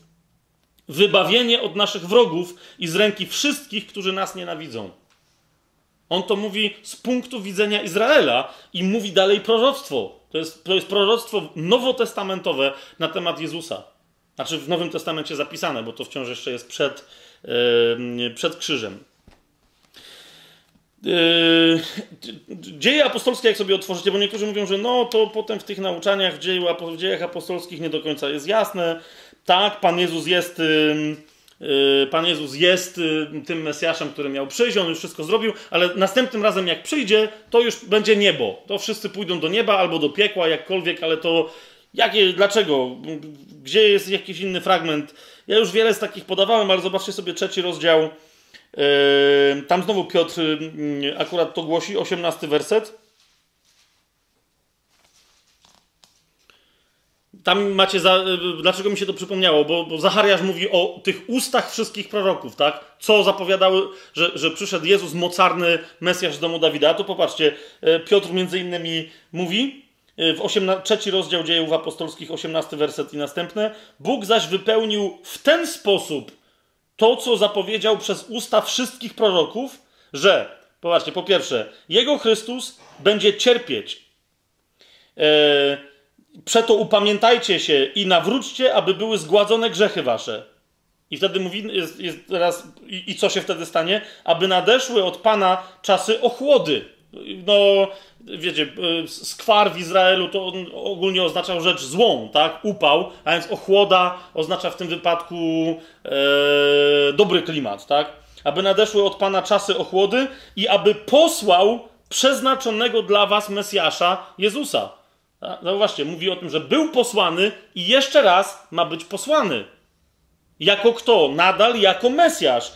Mm, e, aby posłał przeznaczonego dla was Mesjasza, Jezusa, którego musi przyjąć niebo i dlatego zasiada po prawicy Ojca, którego niebo musi przyjąć aż do czasu, gdy będą odnowione wszystkie rzeczy, o czym od wieków mówił Bóg przez usta świętych swoich proroków. Jeszcze raz. Widzicie to?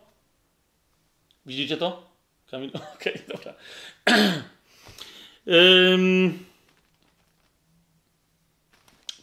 to, bo to teraz, że Żydzi to rozumieli dosłownie, to już nie będziemy o tym y, y, wspominać. Same dzieje apostolskie jeszcze tuż przed pójściem Pana Jezusa do nieba. E, też się go tam, pamiętacie, uczniowie pytają, że ale jak to, to, to gdzie jest królestwo w końcu? A on im mówi spokojnie, to jest nie wasza sprawa, żeby znać czasy i chwile, kiedy przyjdzie, kiedy przyjdzie królestwo.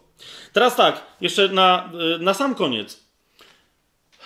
Bo jak widzicie, po to nam jest potrzebne studium e, przymierza Dawidowego, jeszcze raz, żeby mieć pewność e, tego, o czym Nowe Przymierze mówi również dosyć jasno, ale nie mówi aż tak obszernie, właśnie dlatego, że ten temat jest w Starym Przymierzu, w Starym Testamencie, głównie w związku z Przymierzem Dawidowym, mocno rozwinięty.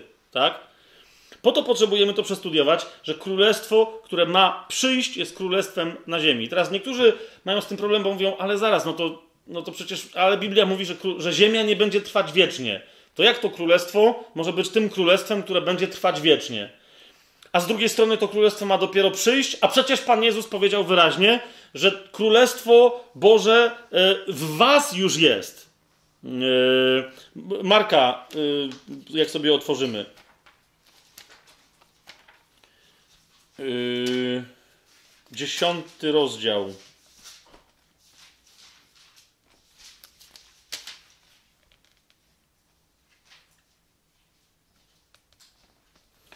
Okej, okay, to, to, to, za chwilę. Yy, żebym tylko. Bo już bym chciał od razu wyskoczyć, o co Panu Jezusowi chodzi, ale jednak myślę, że dobrym zwyczajem jest, żeby oddać głos. Yy, no właśnie tym, którzy mają, gdzieś widzą coś w Biblii, czyli yy, konkretnie, nie będziemy się teraz, wiecie, ze względu na czas yy, w tych wszystkich cytatach zagłębiać, ale to łatwo znaleźć. Na przykład yy, w Ewangelii Łukasza, tam jest bardzo mocne to, że Jezus mówi do faryzeuszów, Królestwo Boże do uczniów, którzy tam są zebrani, Królestwo Boże w was jest. Pamiętacie to? Jest tam taki, taki fragment, że Królestwo Boże już jest w was. Jezus w Ewangelii Janowej, jak stoi przed y, Piłatem, e, ten mówi, czy ty jesteś królem? A, a niektórzy mówią, no widzisz, a Jezus tam mówi, królestwo moje nie jest z tego świata. Bo gdyby było, to i tak dalej, i tak dalej. I wreszcie inni na przykład powołują się, mówią, że no przecież Paweł mówi, że Królestwo Boże to nie jest sprawa tego, co się je i pije, ale to jest sprawiedliwość i tak dalej w Duchu Świętym, tak? Więc mówią, Królestwo Boże to jest kwestia pewnego doświadczenia duchowego, i jednocześnie to e, nauczanie łączą, zwró zwróćcie uwagę, z czymś, co już zupełnie naprawdę no, nie ma tego w Biblii, mianowicie, że ostateczne objawienie Królestwa Bożego to będzie jak Pan Jezus wróci i to będzie w ogóle koniec świata, będzie sąd ostateczny, no i wtedy ci, co są źli, pójdą do piekła, a ci, co są dobrzy, pójdą do nieba. Znacie wielu chrześcijan, którzy wręcz tak mówią o tym, tak, że pójdą do nieba, że czy ty pójdziesz do piekła, czy do nieba. Rozumiecie? A jednocześnie to są chrześcijanie, którzy na przykład w, w swoich kościołach e, odmawiają całe wyznanie wiary nicejsko-konstantynopolitańskie, które kończy się słowami wierzę w ciała zmartwychwstanie, żywot wieczny w tym zmartwychwstałym ciele. Amen. Tak? I wtedy jest moje pytanie, no to po co masz zmartwychwstawać w ciele, jak masz się znaleźć w jakimś platońskim, duchowym niebie, jako jakaś duszyczka na, E, na niebiosach. Po, co? Po co masz zmartwychwstawać w ciele? Biblia nigdzie nie ma takiej koncepcji, że na czas ostateczny, że na wieki wieków wierzący mają trafić do jakiegoś nieba. Biblia mówi wyraźnie o tym, że trafią na nową ziemię pod nowym niebem. To jest ostateczny e, cel i że to, to tam spędzimy nasze życie wieczne w zmartwychwstałych ciałach. No więc teraz, yy, no ale właśnie, ale wracając, więc ci mówią, no więc jeżeli Jezus mówi, że no Królestwo Boże już tu wśród was jest, Paweł mówi, że to nie jest sprawa tego, co się jej pije, to co to ma oznaczać? Otóż, yy, no właśnie, Ewangelię Markową, jak sobie yy, otworzymy, ten dziesiąty rozdział, trzynasty werset, to jest ten moment, kiedy tam przynoszą dzieci do Jezusa. Zobaczcie, co się dzieje. Przynosili do Niego dzieci, aby się ich dotknął, ale uczniowie gromili ich. Gdy Jezus to spostrzegł, oburzył się i rzekł do nich: Pozwólcież dzieciom przychodzić do mnie i nie zabraniajcie im, albowiem takich jest Królestwo Boże. Czy do takich należy Królestwo Boże? Tak? Niektórzy tu się zatrzymują, mówią, yy, no, i, yy, no i tyle. Tak? Czyli widzisz, to jest kolejny dowód, no ale jest piętnasty werset. Zaprawdę, Jezus powiedział, i to jest, widzicie, przysięga uroczysta dopiero tutaj, zaprawdę powiadam wam, ktokolwiek by nie przyjął Królestwa Bożego tak jak dziecko, ten do niego nie wejdzie. Rozumiecie, co się tutaj dzieje? Jezus mówi o dwóch różnych funkcjach królestwa. A mianowicie o tym, że królestwo przyjmuje się w siebie wewnętrznie, i w tym sensie to jest prawda, że Królestwo Boże w tym czasie, w którym my teraz żyjemy, żyjemy, to nie jest sprawa materialna, ponieważ nie mamy żadnych, nie mamy króla, nie, yy, nie ma świątyni, nie ma y, nowego Izraela, nie ma tronu Dawidowego, to nic nie ma z tych rzeczy, które były przepowiedziane, tak?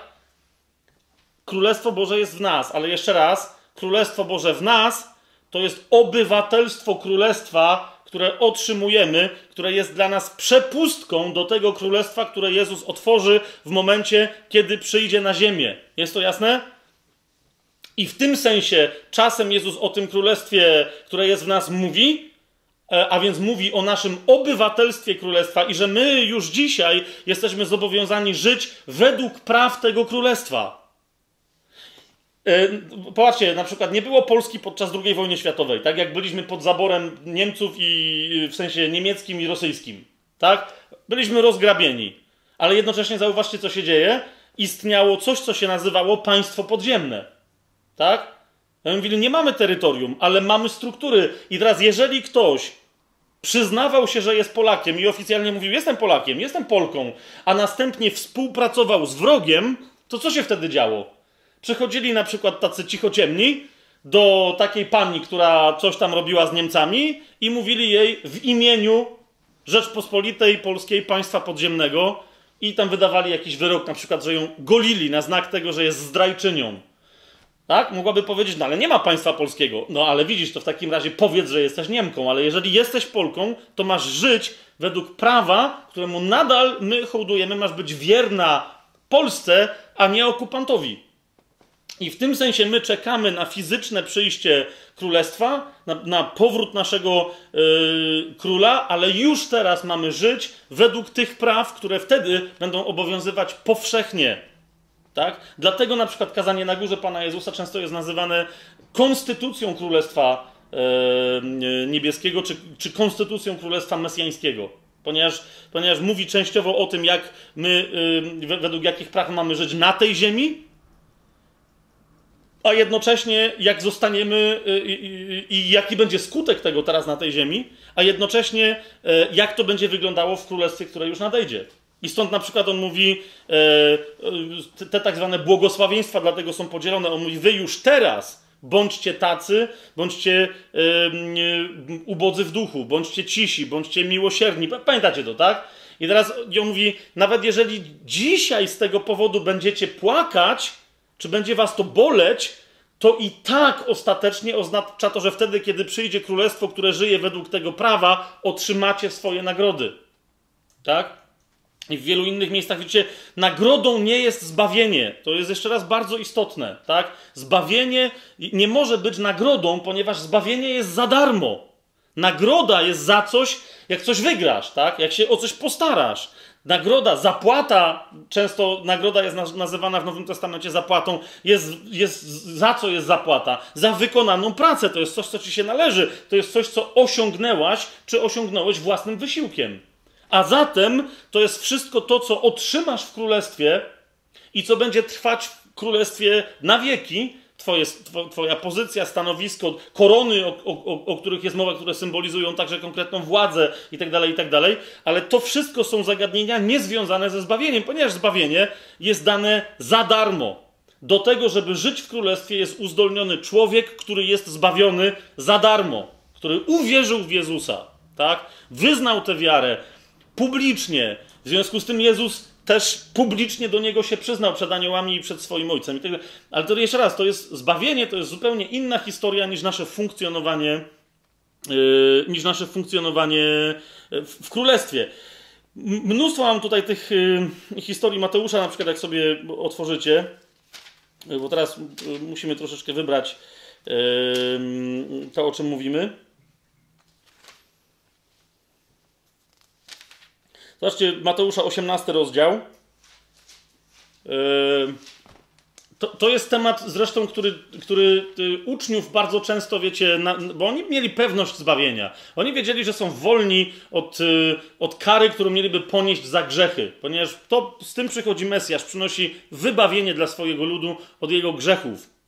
Ale teraz patrzcie, Mateusz 18 rozdział, oni się pytają, co się będzie działo w królestwie. W owym czasie przystąpili uczniowie do Jezusa, pytając, kto jest największy w królestwie niebios. I co im Jezus na to odpowiada?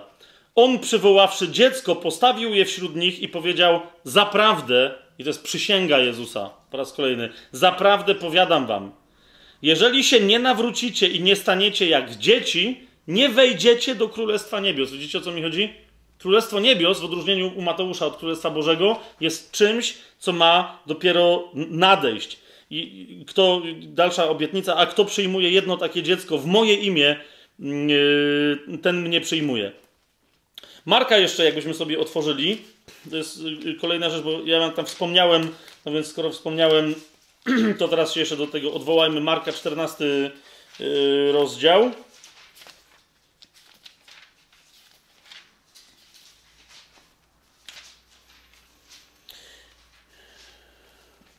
25 werset.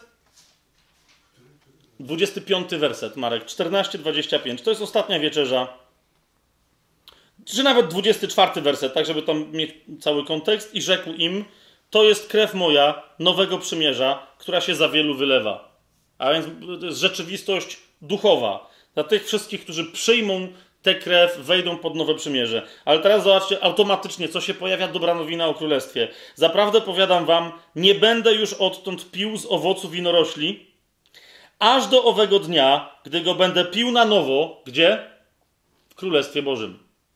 Tylko tu już mamy Marka, więc u niego jest tylko Królestwo Boże, nie ma rozróżnienia na Królestwo Niebios i Królestwo Boże. Ale Jezus mówi wyraźnie, że, i to nie ma żadnej przenośni, to nie jest przypowieść jego, mówi wyraźnie, że będzie pił na nowo wino, kiedy y, przyjdzie królestwo. Pamiętacie Amosa, który mówi o tym, że będą mieli winnice i będą robili wino i będą wszyscy dobre wino y, pili. Łukasza, żeby jeszcze innego ewangelistę y, przywołać. 22 rozdział natomiast, jak sobie otworzycie.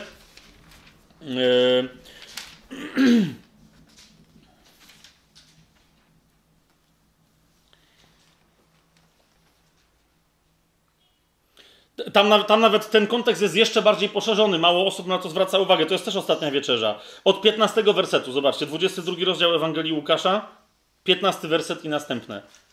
I powiedział do nich: Gorąco pragnąłem spożyć tę wieczerzę paschalną z wami przed moją męką. Powiadam wam bowiem, iż nie będę jej już spożywał, aż nastąpi spełnienie w Królestwie Bożym. A więc nie tylko e, mówi o tym, Pan Jezus y, u Marka, że będzie pił y, wino, ale mówi o wieczerzy paschalnej. Nie będę jej już spożywał, aż nastąpi spełnienie w Królestwie Bożym. A więc nasza wieczerza, widzicie, będzie, nasza pamiątka wieczerzy będzie nadal trwać w Królestwie, y, kiedy ono nadejdzie. Fantastyczna zapowiedź. I wziąwszy kielich i podziękowawszy, rzekł: Weźcie go i rozdzielcie między sobą. Powiadam wam bowiem, iż odtąd nie będę pił z owoców winorośli, aż przyjdzie Królestwo Boże. Teraz jeszcze naprawdę już tylko szybciuteńko, ale chcę, żebyście to właśnie w tym kontekście Dawidowym zobaczyli. Pierwszy Piotra sobie, yy, od drugi Piotra, no pierwszy Piotra to ma tam inne historie, ale drugi Piotra, bo to będzie dosyć takie wyraźne. Drugi list y, świętego Piotra, pierwszy rozdział, Mniejsza o to, co tam się wcześniej dzieje, bo to jest dosyć yy, też istotne, ale nie będziemy się całymi kontekstami zajmować, tylko tą jedną yy, konkretną rzeczą. Zobaczcie, że Jezus o tym mówił, ale wszyscy apostołowie, yy, autorzy Nowego Testamentu również o tym świetnie wiedzą. Piotr mówi, to jest y, pierwszy rozdział, 10-11 werset. Dlatego, bracia, tym bardziej dołóżcie starań, aby swoje powołanie i wybranie umocnić. A więc widzicie, człowiek, on nie mówi o zbawieniu w tym miejscu, bo to mówi, to wszyscy są zbawieni. Ale teraz mówi, po, zajmijcie się swoim powołaniem i swoim wybraniem. Czemu? Zajmijcie, tym bardziej dołóżcie starań. Więc tu, widzicie, to mówi o uczynkach, o, o, o, o spięciu się, o, wejściu w ruch, o wejściu w walkę, tak? Mówi, dołóżcie starań, aby swoje powołanie i wybranie umocnić, Czyniąc to bowiem nigdy się nie potkniecie i co najważniejsze, nie tylko, że się nie potkniecie, ale co się stanie? W ten sposób będziecie mieli szeroko otwarte wejście do wiecznego królestwa Pana naszego i Zbawiciela Jezusa Mesjasza. Jest? E, list do Efezjan e, sobie otwórzmy. To jest, e, bo skoro o tym powiedziałem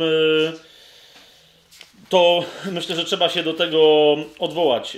Piąty rozdział listu do Efezjan, bo powiedziałem, że, że Paweł również rozróżnia i to w wielu miejscach się do tego odnosi, że czym jest Królestwo Boże w nas, czym jest Królestwo Boże Mesjasza, które nadejdzie. Na przykład w, w pierwszym do Koryntian w 15 rozdziale bardzo wyraźnie mówi o zmartwychwstaniu, o przemienieniu ciał, o tym, że będziemy mieli odmienione ciała wchodząc do Królestwa z Jezusem, tak? Y, do Tesaloniczan mówi o porwaniu. Y, okej, okay, ale y, chodzi mi o to, że gdzie literalnie on mówi o tym, że rozróżnia, tak jak Mateusz, będąc precyzyjnym Żydem, że rozróżnia te fazy królestwa ogarniającego nas i ogarniającego wszechświat. To jest piąty rozdział listu do Efezjan, piąty werset. Zauważcie, bardzo interesujące stwierdzenie, gdyż wiedzcie to na pewno, iż żaden rozpustnik albo nieczysty lub chciwiec, to znaczy bałwochwalca, ja już pomijam, że tu są bardzo mocne stwierdzenia, na przykład, że chciwiec jest kimś, kto czci fałszywe bożki.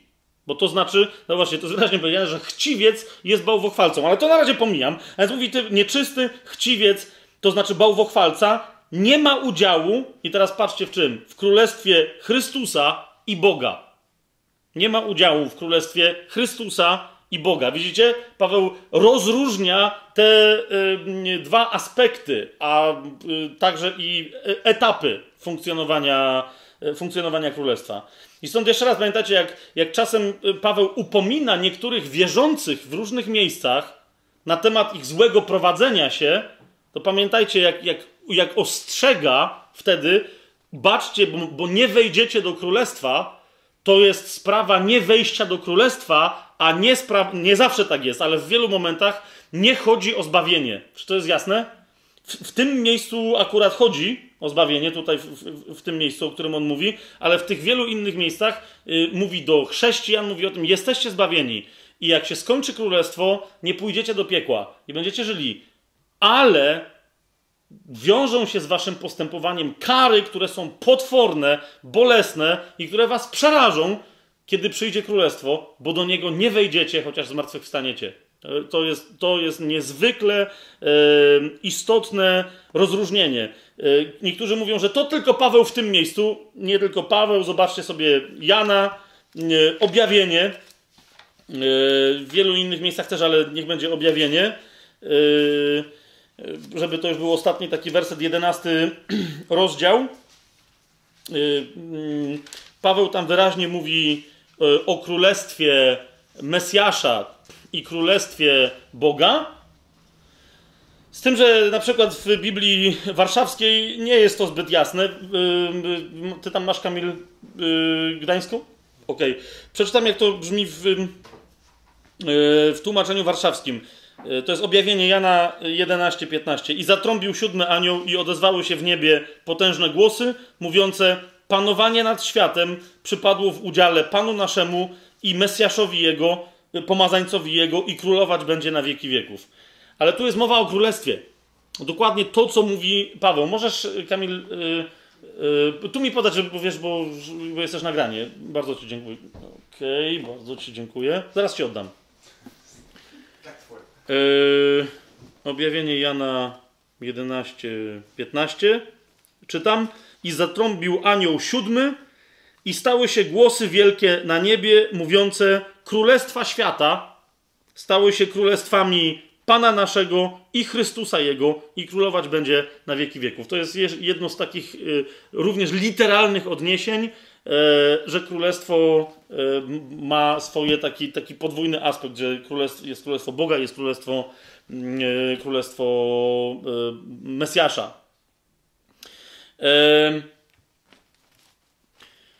Skończę, bo, bo moglibyśmy ten temat kontynuować, tak podsumowując, że żeby zrozumieć to, co jeszcze nie wypełniono. Jezus wszystko wypełnił. Nie chodzi o to, że my coś y, nowego dodaje, czy czekamy jeszcze na jakieś aspekty zbawienia. Ale w wielu miejscach y, Nowego Testamentu wyraźnie widać, że sam pro, jakby samo zbawienie też postępuje dynamicznie. To jest proces. I pełnię efektów zbawienia w nas, pełni efektów zbawienia, my będziemy mogli zacząć doświadczać dopiero kiedy przyjdzie Mesjasz, kiedy powróci. Dlatego z takim utęsknieniem mamy na niego czekać, ponieważ wtedy to wszystko, e, wszystkie skarby, które mamy w swoim zbawieniu i w jego mocy złożone, do wszystkich wreszcie będziemy mieli dostęp. Poprzez także nie tylko nasze, naszego odkupionego ducha, przemienioną, poddaną mu duszę, ale także nowe ciało, które dostaniemy, zmartwychwstałe, lub y, przemienione, czy po prostu takie i takie.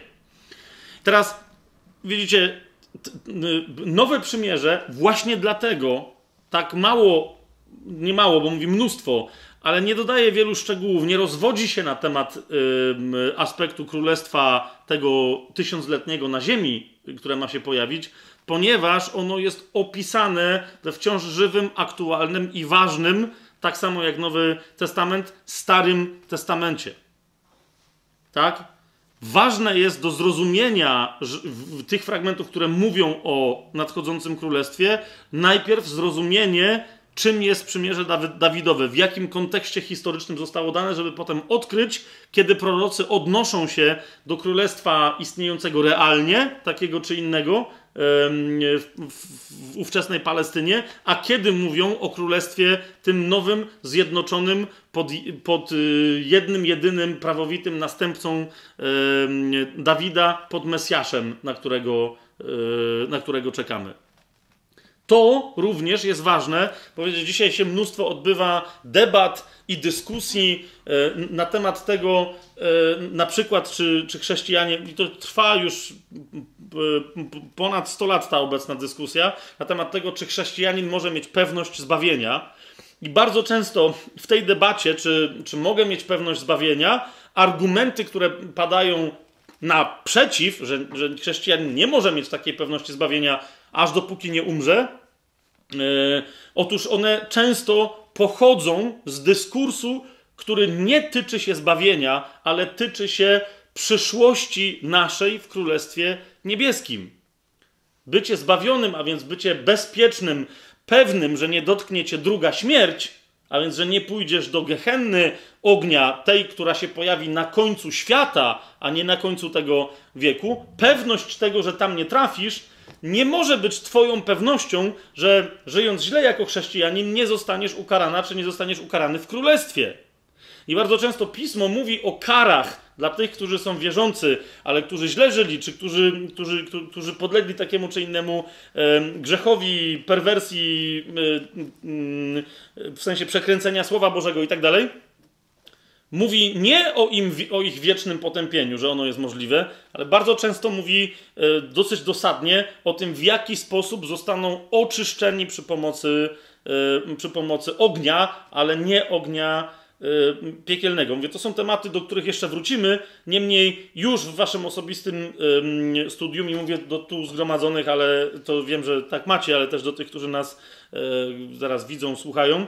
W waszym osobistym studium w wielu miejscach, jak o tym będziecie pamiętać, zauważycie, że rzeczywiście tak jest. Na przykład w Ewangelii Mateusza, gdzie Pan Jezus często mówi o tym, co się, jak na przykład będzie oddzielał konkol od zboża, nie mówi o sądzie ostatecznym, tym, przy którym no, ludzie pójdą do, pod drugą śmierć, a więc pójdą do piekła, ale mówi o oczyszczeniu królestwa, e, tym pierwszym przy swoim powrocie.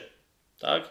A więc przed końcem świata tysiąc lat przed końcem świata. Wiele tych przypowieści, które ludzie myślą, że się odnoszą do sądu ostatecznego, jest de facto sądem dla y, ludzi wierzących, dla ludzi zbawionych, o którym też Paweł w wielu miejscach y, y, wspomina. Teraz już tego nie będę mówił, bo to już wielokrotnie padało, a jeszcze tym tematem się zajmiemy. Dlatego tak istotne jest, żebyśmy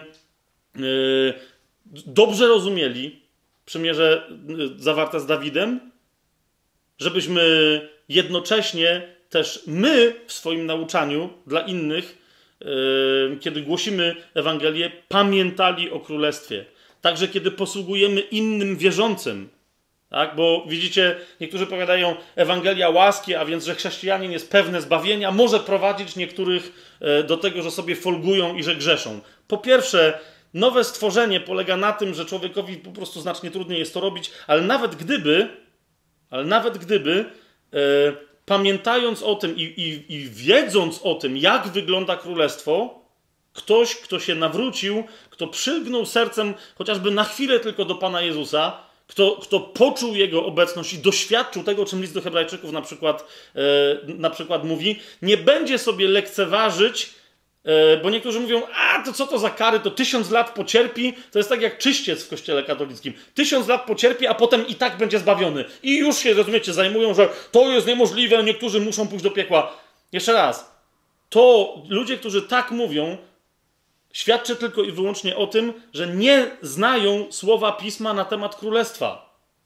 A druga rzecz jest jeszcze taka, że nawet zbawienie po tysiącletnim królestwie, a więc wejście do życia wiecznego, dla niektórych będzie również elementem mocnego rozczarowania. Oczywiście oni tam już będą szczęśliwi na wieki i łzy ich z oczu nie popłyną, ale jeden z elementów tego cierpienia w tysiącletnim królestwie będzie polegał na tym, że będą wiedzieli, że mogli być kimś innym w królestwie na wieki, a nie są, ponieważ przyjęli tylko zbawienie, a następnie nie chciało się im biec, a następnie nie chciało się im świadczyć, a następnie nie chciało się im zająć swoim powołaniem i wybraniem, jak mówi Piotr. A zatem jeszcze raz, a, a Słowo Boże o tym mówi wyraźnie, że, że człowiek, który jest nowonarodzony, zaczyna żyć miłością do Boga i w związku z tym do bliźniego. A miłość do Boga to jest, to zresztą, mój Boże, to nawet taki zwyczajny, cielesny, zmysłowy człowiek o tym wie, że jeżeli kocha kogoś drugiego, zrobienie czegoś, co spowoduje temu, tej drugiej kochanej osobie zawód i rozczarowanie, jest nieprawdopodobnym, wiesz o czym mówię, jest nieprawdopodobnym bólem, tak? Jak zrobisz coś i twoja kochana osoba mówi, o mój Boże, zraniłeś mnie tym. To teraz wyobraź sobie siebie, kwestia wiecznego czy niewiecznego zbawienia, czy pewności zbawienia. Wyobraź sobie, jesteś osobą wierzącą, stajesz przed Jezusem, który wraca na ziemię. Rozpoczyna się tysiącletnie królestwo i Jezus ci mówi: Jesteś zbawiony, wszystko gra, ja cię kocham, ale popatrz, ile, co, co jeszcze mogło się stać. Przypowieść o talentach, czy przypowieść o minach jest właśnie przypowieścią o tym, jak Pan Jezus wróci i będzie pokazywać ludziom miejsce w ich królestwie. Tak? I, i, I, niektórzy się dowiedzą, że zobacz, miałeś pięć talentów i co zrobiłeś? Miałeś jeden talent i co zrobiłeś? Nad iloma miastami mam cię postawić? Czy mam cię w ogóle gdzieś postawić? Niektórzy zostaną wyrzuceni na zewnątrz, tak jak ten, co talent wziął i zakopał, ponieważ on cały czas bał się, że go straci. Rozumiecie? To są ci, którzy mówią, trzeba drżeć o swoje zbawienie. Jak y, niektóre wręcz tłumaczenia polskie Pisma Świętego mówią, żeby zabiegać o swoje zbawienie. Tak? No, na przykład Biblia Tysiąclecia, umówmy. No, tłumacz w co wierzy, to to pisze, tak? Podczas gdy tam zupełnie o co innego chodzi. O to, żeby na bazie zbawienia zacząć sprawować to, co, co masz dzięki zbawieniu. Zacząć być obywatelem królestwa. Nie wiem, czy kiedyś spotkaliście Amerykanów. Okej, okay, teraz to oni są. Y, ale nawet teraz. Niemniej ja pamiętam, tak wiecie, początek 90. lat E, po tych, wiecie, upadek Związku Radzieckiego, gdziekolwiek Amerykanie się nie pojawią, ale nawet dzisiaj, jeszcze raz mówię, fakt, że ten człowiek ma paszport amerykański w kieszeni, niektórzy myślą, że to powoduje, że oni są nietykalni. Rozumiecie? W, każdym kraju na świecie. No dobra, teraz już tak nie jest, muzułmanów się boją, to tam nie jeżdżą, ale na przykład jeszcze w Europie jest takie, że ale ja jestem Amerykaninem. I teraz o, o, co mi chodzi? Nie podaję tego ani jako dobry, ani zły przykład, tylko jako przykład, że nawet siła mocarstwa ziemskiego może dać ludziom zupełnie nowy power do, do działania, poczucia samego siebie, poczucia jakiejś tam swojej godności, funkcjonowania nawet wśród obcych. A my, chrześcijanie, jeżeli zapomnimy, po, po prostu za, przestaniemy się kłócić o, o tą całą pewność zbawienia, a uświadomimy sobie, że mamy obywatelstwo niebieskie i zaczniemy wprowadzać królestwo, jak jest w niebie, tak i na ziemi. Niektórzy codziennie po parę razy odmawiają modlitwę Ojcze Nasz. I to literalnie z Biblii. O czym tam jest mowa? Ojcze Nasz, który jesteś w niebie, niech będzie uwielbione, niech się święci Twoje imię. I jakie jest drugie wezwanie? Niechże wreszcie przyjdzie Twoje królestwo. Po co? Żeby Twoja wola była, jak jest w niebie, żeby tak była na ziemi. I teraz co mamy? Czekać aż do powrotu Pana Jezusa? My mamy wprowadzać tę wolę, jak jest w niebie, tak i na ziemi już teraz. My, jak się modlimy w tej modlitwie tymi słowami, to prosimy Boga o umocnienie, o przypomnienie sobie, że hej, ja jestem obywatelem Królestwa. Jak inaczej ma się stać wola, jak jest w niebie Boga na, y, tutaj na ziemi, jeżeli nie przeze mnie? Jak inaczej ma się stać? Dobra, Y, dziwny, bezczelny Amerykanin z, z, z, paszportem USA cię nie przekonuje, to pomyśl sobie na przykład o, nie wiem, agencie Jamesie Bondzie, ok? MI5 albo MI6, niech będzie. Rozumiesz, to, to jest gość, który ponieważ reprezentuje jej królewską mość, wszędzie na świecie pojawia się i wie, że ma wsparcie. Wszędzie na świecie ma pieniądze, ma dowolną tożsamość, paszporty, e, kry, kryjówki, sprzęt, który mu jest potrzebny do działań. Ok? Jeżeli więc y, agenci służb wywiadu mają takie możliwości, to ty myślisz, że masz mniejsze, będąc wierzącym chrześcijaninem?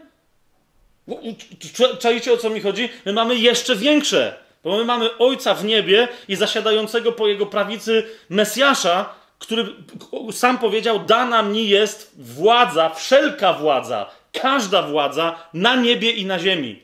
Więc za każdym razem, jeżeli mam prawo posługiwać się imieniem Jezusa i powiedzieć w imieniu Jezusa, odwołuję się, a mam prawo jako wierzący, odwołuję się do władzy, która jest dana Jezusowi, jakiej nikt inny nie miał, nie ma i mieć nie będzie, bo to jest Jego władza. Wiecie o co mi chodzi? Okej, okay, niektórzy tak naprawdę nie wierzą. Biblia o tym wyraźnie mówi, że udają chrześcijan. Są fałszywi, tak? I, I wtedy trochę tak brzmią, jak ci żydowscy egzorcyści, którzy przyszli, przyszli wyrzucać złego ducha z opętanego dzieje apostolskiego, o tym mówią, pamiętacie? I, I oni mówią w imieniu Jezusa, którego głosi Paweł. Na co szatan im co odpowiedział? Mówi: Jezusa znam, o Pawle słyszałem, a wy kto jesteście? I im tak wlał, że uciekali każdy inną drogą, rozebrani prawie do naga, czy rozebrani. Mieli zdarte z siebie całe ubrania, tak im wlał. Sam jeden, tak?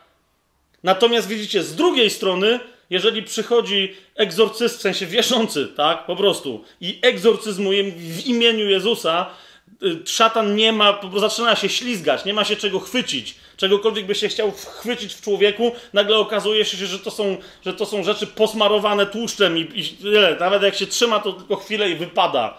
Ponieważ to naszemu Panu, naszemu Królowi, który był, który jest i który właśnie nadchodzi, jest dana wszelka władza na niebie i na ziemi. I my się mamy przestać cackać, rozumiecie, i, i, i biadolić, i cały czas koncentrować na sobie i tam rozdrapywać o Jejuniu, czy o Jezuniu, żeby było jeszcze bardziej pobożnie, czy ja jestem zbawiona, czy nie, czy ja, o, bo być może, bo, bo wtedy jesteśmy pośmiewiskiem, tak?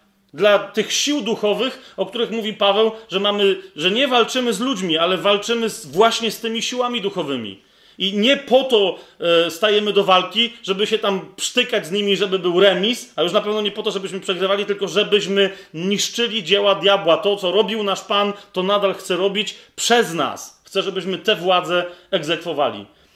Uświadomienie sobie charakteru nadciągającego królestwa, tego, które się zacznie wraz z przyjściem Pana Jezusa na ziemię, według mnie jest głównym kluczem do rozwinięcia wiary w chrześcijanach dzisiaj, zanim jeszcze to królestwo nadejdzie. Dlatego Pan Jezus w Ewangelii Mateusza mówi, że Ewangelia, która będzie dobra nowina, która ma być głoszona i która będzie głoszona aż po wszystkie krańce ziemi tuż przed Jego przyjściem, będzie Ewangelią o królestwie.